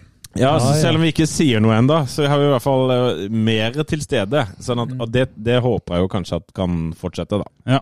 Så Ja, jeg, jeg er helt enig. Jeg syns det var veldig gledelig å se, men Det så du ikke, vi satt jo på Ja, internett. men, men engasjementet er enda viktigere. Ja. Mm. Altså det at folk bryr seg, og ikke er så redd for å si ifra. Ja. For det er jo relativt ufarlig, da. Det er dritufarlig. Jo, men det er mange som opplever en kritisk debatt rundt Start. Det opplever de som problematisk. Ja. Det demper engasjementet. Det er min påstand. Og det er litt synd, for det at om du er litt kritisk, så gjør jo ingenting det. Nei. Det kommer jo fra et godt sted. Ja, jeg opplever som at folk som er kritiske, egentlig vil at det skal bli bedre. Alle, alle på et sånt årsmøte til Start vil jo at Start skal bli verdens beste fotballag. Så vi vil jo det samme. Og så vil jeg jo bare benytte anledningen til å oppfordre folk til å melde seg inn i klubben, som vi gjør uh, hver gang på denne tida her. Ja. Um, Men nå skal jeg ha min blag. oi! Skal du ha din blag? Ja, ta din blag, og det er faktisk uh, Det er Start, det. Det er Start, ja. Okay. Ja, fordi det er ikke mulig å delta på årsmøtet digitalt. Boo. Og det er for eh, den eh, delen av medlemsmassen som ikke bor i Kristiansand, så syns jeg det er leit at ikke vi kan være med og bestemme. Og I hvert fall fall siden vi teller 2023. Da, Vi, vi kan vel se det på Feven, men vi kan ikke være med på selve årsmøtet, er det det du sier? Eh, ja. Mm. I fjor så var det all ære til Egil Limenes som uh, styra på Teams. Teams, der, men, Ja. men, men eh, det var jo et mareritt eh, for han eh, å gjøre. Så det hadde vært Det er synd at ikke vi får delta. Jeg, jeg, jeg må jo bare si med en gang, jeg er veldig overraska. Jeg var ikke kjent med det. Det fins i dag et verktøy som heter Go Plenum, Ja. Som Norges idrettsforbund har utvikla for det, og som de utvikla under pandemien. Det ble brukt på årsmøtet i start i 2020. Fungerer optimalt. ja. Det burde settes i gang. Ja, som jeg ser igjen, det her er et spørsmål som jeg syns medlemmene skulle ta stilling til. det, det jeg skulle til å si, Kanskje vi bare skal sende et forslag på at alle, det må, må være mulig å delta på alle Starts årsmøter digitalt. Punktum. Send det inn, få det inn. Det gjør du, Gimsen. Ja, det er greit. Ja, altså Verden endrer seg med pandemien. Ja. Enig, og folk, enig. folk aksepterer å ha Teams-møter, Zoom. Det, det er oppe og vedtatt, det er ikke noe problem i det hele tatt. Nei. Hvorfor skal ikke et årsmøte men så er det vel en lisens her som de ikke har lyst til å ta. Og Ja, men Da må de ta medlemmene sine på alvor og få det. Ja. Enig. Nei, men uh, Helt da, enig, Lars. eh, Bleig, uh, fiks det. La oss delta Ja. fra hele verdens kanter. Frank, Thomas. Frank Thomassen skal delta fra USA. Det, Det går han. an, faktisk. Han står opp midt på natta for å gjøre det, han. Min heid, Ja. Det er en uh, Dette er en nydelig heid, skjønner du. For at Ja. forrige gang vi møttes, det var jo på Telford. Ja. Og da, da tok jeg et par uh, bleige som var redd for å bli bleige. På danskebåten tok jeg de ganske kraftig. ja. Uh, men nå, Hollerud og Torjus, nå er dere heide. For det som skjedde i etterkant av livepoden, det satt en liten gjeng sammen på Telford. ja. Og så eh, i den eh, så ble de kjent med eh, nye folk. Ja. Og ble enige om bortetur til Bryne. Og, og eh, de ble enige om et felt på, på Sør Arena hvor de skulle kjøpe sesongkort. Og så det, det endte opp med at uh, de hadde av Tormod Hollerud har- sendt ut meldinger til folk for å engasjere flere til å bli med på tur. Altså kjøre en sånn akademikerbuss eller en voksenbuss. altså Ja. e- et eller annet. Og så bare det å på en måte se at, at det gjøres, det er heid nok for meg. Og kan jeg få lov til å legge til at Torjus kom med fem nydelige hjemmebrygga øl til meg, så han fortjener definitivt en heid. Ja, men jeg syns det er fett at de, at de gjør det. Det er, for alt det som Teddy har sagt eh, noen ganger, det det er lederskap. Og hvis noen tar ansvar for å fikse den bussen og ordne den og sende den fuckings meldinga, litt sånn som de gjør så bra i Kristiansands yngste og på Lomsida, så kan man gjøre det på resten av langsida også. Så definitivt heid Ja. der. Og den har, han har ikke gått viralt, den meldinga til Tormod, men jeg har faktisk fått sett den meldinga òg, Ja. og får et nydelig initiativ. Ja. Jeg, jeg hyller, jeg hyller, jeg hyller. Ja. Uh, skal jeg eller deg ta, Tom? Uh, Nei, jeg kan ta. Jeg har, Ja. jeg har uh, ikke så god heiderbleig. Jeg har en bleig. Jeg har tatt en valgt en spiller. Ja.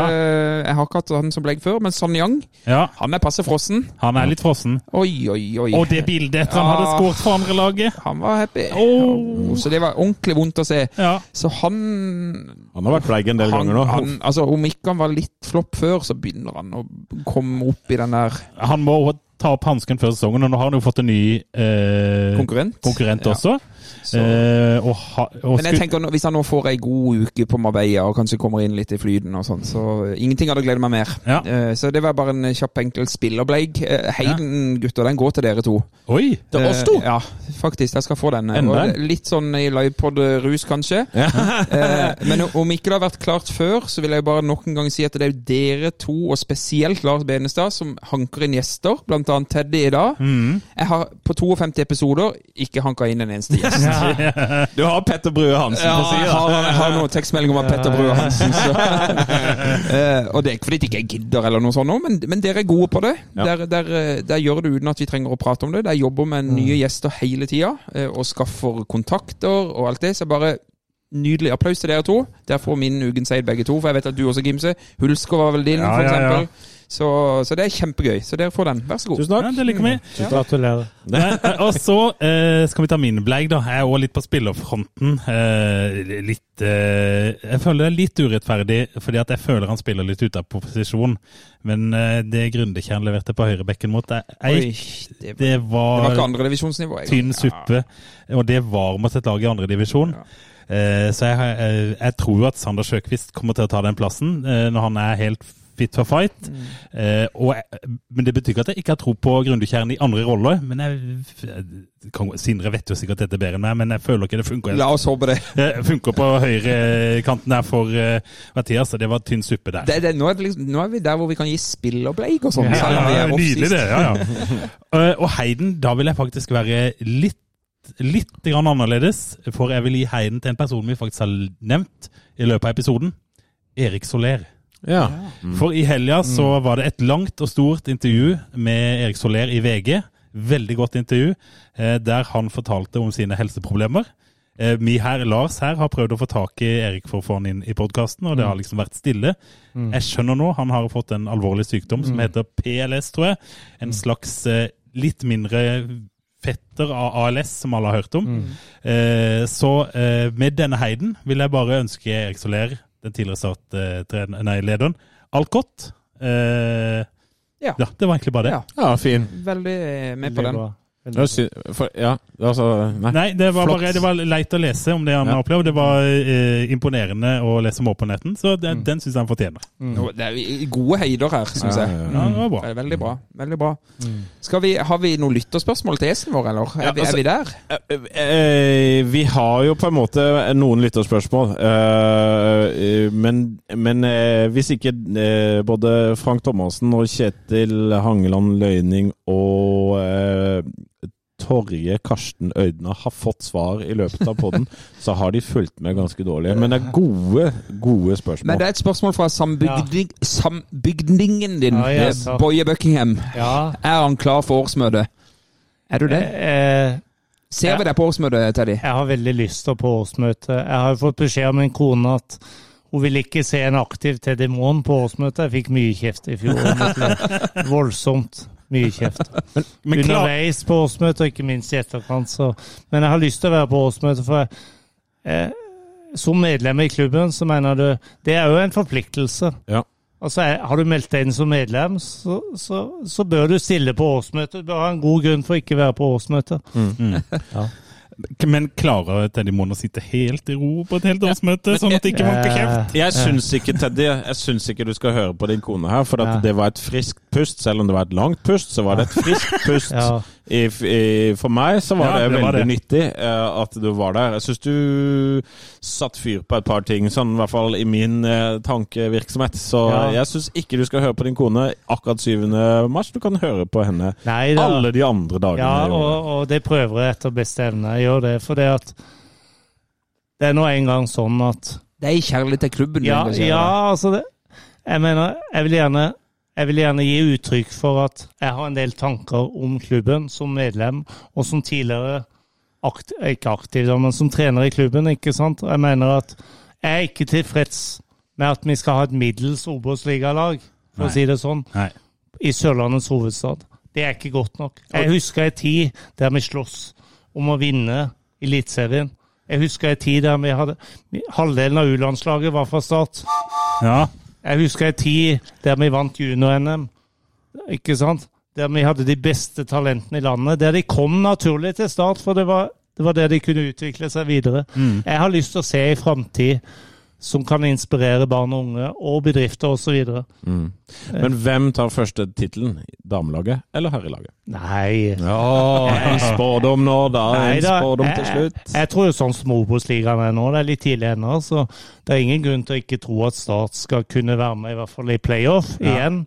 Det tror jeg, da kan alt skje. Ja. Ja. Det så vi i fjor, ikke sant, så det kan skje. og Når det gjelder damelaget, så er det klart at det er jo signalisert veldig mye ambisjoner rundt damelaget, men det er, det er nå engang fjerdedivisjon. ja, det er det. Vi må innse det. Det er et, et spørsmål på Twitter her fra en som kaller seg Badebyen. Han lurer på, Hvis Start ikke rykker opp i år, eh, hvordan tror du klubben ser ut da?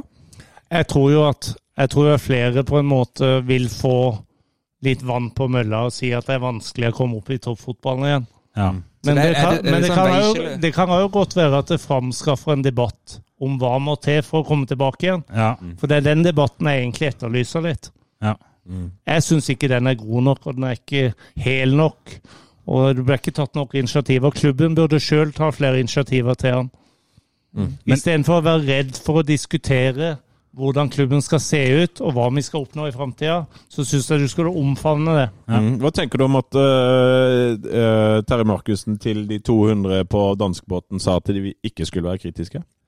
Sa han det? Ja. Det sa han. Det, var, det, det har jeg gitt han bleik hvis jeg hadde hørt det. Ja. Ja, og det hadde jeg jo gjort, for det at jeg mener engasjement går begge veier. ja. Og, og du kan godt ha kjærlighet og interesse, ikke sant, selv om du er kritisk. Jeg opplever Altså, jeg, jeg må jo leve med at folk har syns jeg har ulike motiver for å si det jeg sier, men innerst inne så gjør jeg det for det jeg sa i stad.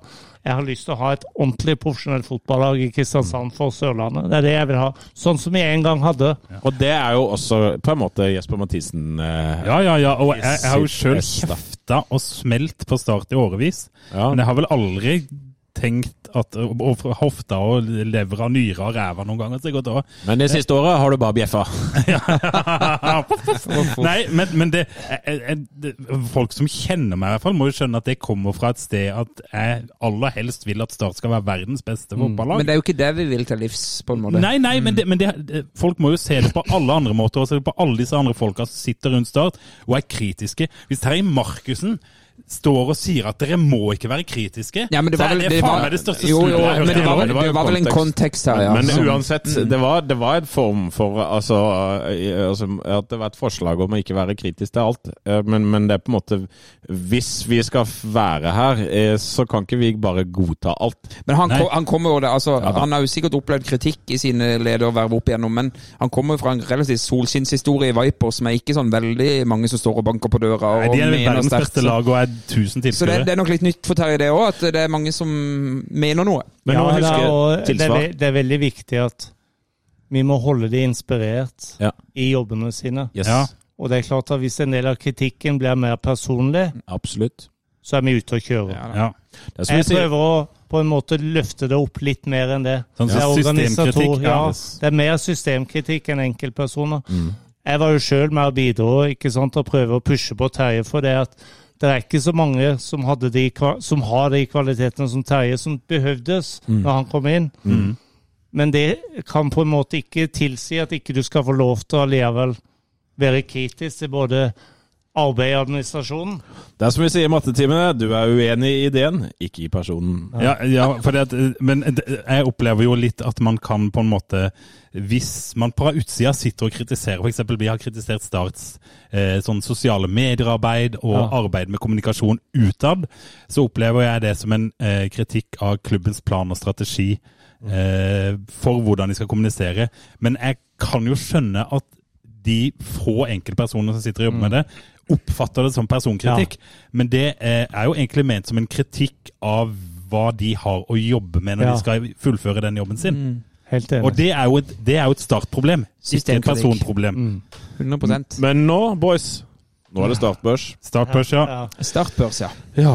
Det var skyhøyt sist. Jeg var oppe på åtte på, ja på livepoden. jeg var også på åtte på livepod. Men jeg har jo liksom Nå har du blitt edru. Ja, bak rusen og vært uh, fire tur-retur og Kristiansand nå på to uker, så jeg er ganske, ganske Faktisk, ganske Dette må du gjerne klippe ut, men ganske metta på Ja. Kristiansand akkurat Oi, oi, oi, oi. Oi, oi, oi. Det er jo som å banne her, men eh, nei da. Men eh, nå har de reist til Marbella, slo Eik. Der kommet inn en spiss som jeg ikke aner, han er jækla rask. Ja. Ja, seks, tenker jeg. Seks, ja. Ja, jeg er jo på sekseren. Det er liksom sånn på det jevne sånn som skal være i preseason, og så gleder jeg meg til treningskampen mot gode lag. Ja, for nå er det, er det Koffa i morgen eller noe sånt nå? Ja, ikke så lenge til. Ja. Nei, bare senere. Ja, samme. Koffa og HamKam denne uka her, så får Ja. vi ta en opptelling neste Ja. eh, utgave. Jeg står også Jeg kan være med ned på Jeg kan være på seks, jeg òg. Det var mye lettere. Er du også på hvilken startplass vil du si? nå er jeg litt usikker på kriteriene her, men Ja. jeg forsto det som at jeg vurderer hvordan laget kommer til å gjøre det i år. Nei, det er hele, Hele klubben. hele, Hele klubben. akkurat her og nå, hvor tid er shit. Nå svinger det. Og det er veldig dynamisk børs. da. Absolutt. Nei, Jeg syns det var vanskelig, for hva betyr ti, da? Ja, Ti betyr altså nå Perfekt. Ja, nå er det, nå er det altså så bra. Men det kan være bra i nuet. sant? Altså, Det kan være bra akkurat her og nå fordi eh, det kom to spillere, og vi vant 5-1, det- eh, og vi er øverst på, i ligaen, så kan det være Ja. fem Nei, så kan det være ti. Altså, det er, det er definitivt noe av det siste som jeg syns er gledelig. Det er at 200 fans Ja. drar til Jylland for Ja. å heie fram laget, syns jeg er unikt. Det var ikke pga. billig øl heller. Nei, det, det, det er i min verden verdt ti. Ja. Ja. Det er det. Ja, ja. Definitivt. Så det er Teddy Moen på ti. Ja. Ja, det er helt Det at, annerledes. du, det at du vinner noen treningskamper mot noen lag under deg i systemet på vinteren, på hjemmebane, det har vi gjort i alle år. Ja, ja, ja. Og i hvert fall i Sørlandet. Nå var ikke den siste i Sørlandshallen, Ikke kom og si at Telemoen er kritisk. Han er eh, ti år på startbørsen. og da kan jeg godt være nede på fire og fem. Når du har slått Eik, så er du ikke nødvendigvis Eliteserien etter det. altså. Det har vi sett mange ganger på Og det, den, den kampen oste ikke Eliteserien heller. Den gjorde ikke det. Men da konkluderer vi episoden med at Teddy sier at uh, Terje Markussen er bleig, og at startbørsen er ti. Da syns jeg du dro han langt. det, det vet du, I min bransje hadde vi kalt det feilsitering. Ja. Definitivt feilsitering. Klarer vi å lure ut et startminne Ja, det Teddy hadde vært? Ja, ja, ja. Ja. Skal vi, Absolutt. vi pleier å ha på litt bakgrunnsmusikk. Skal vi gjøre det i dag? vi gjør det. Vi gjør det. Vi gjør det. Ditt beste startminne, Du, Ted? det er det første minnet jeg har fra Start, og det går helt tilbake til 1975. Og da spilte Start mot Viking på Kristiansand stadion. Det var nesten 14 000 mennesker. Jeg var ti år. De taper 2-1. Gunnar Jonassen fra Harstad, jeg nevnte vel det i stad, skårer statsmål. Og det var et sterkt minne. Det å komme inn, se laget foran 14 000 mennesker med den stemningen, det satte seg. Og det gjorde jo at en hadde lyst til å gå igjen, og der gikk jeg igjen ofte. Og så har jeg hatt mange prater med Gunnar Jonassen i etterkant, som kanskje er litt der jeg er fortsatt. da. At det er nok et stykke fram til vi ser 14 000 mennesker. da. Se Start live igjen. Fantastisk. Ja, det er deilig. Det Det, funker, det, det er, det er det eldste minnet vi har hatt så langt. 1975. Ja. Det er nydelig. Vi må, vi må ha flere eldre startere i podden her. Ja, for å ha minner, ja. Ja, ja. Jeg, jeg, jeg føler jo Jeg, jeg får jo beskjed om Jeg husker den kampen, kan jo ikke vi si. Nei, nei, men jeg husker, det er sånn når du og meg har sånn 96 retro, så får jeg beskjed av kollegaer på jobb. Nei, det er jo litt gammelt, da! det var det der, Bjørge. Men det, det var en ti år gammel Teddy Moen, og da hadde ikke du vært på Old Trafford og noe, Nei. eh, Camp Nou? Og, Nei, det, det var jo ikke det. altså Den gangen, hva, hva hadde du for noe?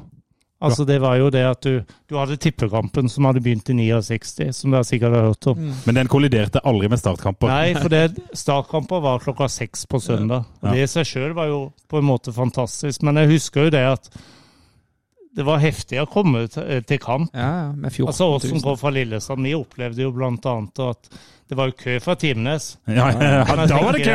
Ja, Det var kø fra Timenes, og parkeringa var ofte på Fylkesmuseet. Yes, vært der. så gikk, Been there. så gikk du derfor til Ja, ja, Kristiansand ja, stadion fantastisk. og henta ut billett. Fylkesmuseet i Agder, altså. Ja, Ja, ja, ja, ja. Jeg har vært, har vært, vært både utenfor Akershus og Agder fylkesmuseum. Men Teddy Moen, Ja. Tusen takk for at du hadde lyst til å komme i starten. Dette var nydelig. Du, tusen takk for at jeg fikk anledning til å komme her og dele en del av det her. Og så får vi håpe at det var fornuftig, noe av det. Ja, det var det. Og så håper vi på at det blir opprykk i år. Ja, det gjør vi. Det gjør vi definitivt. Igjen. Heia Start. Heia Start. Heia Start. Start. Heia Start. Jeg ser inn i 22 resignerte ender!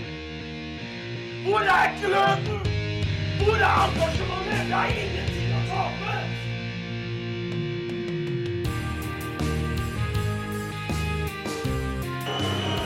Ja, forlenges tid på Martin Ramsland. Skal du sette etter? Og så gjør han det!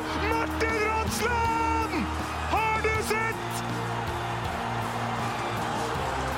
Han kommer til å bli større enn Jesus på Sørlandet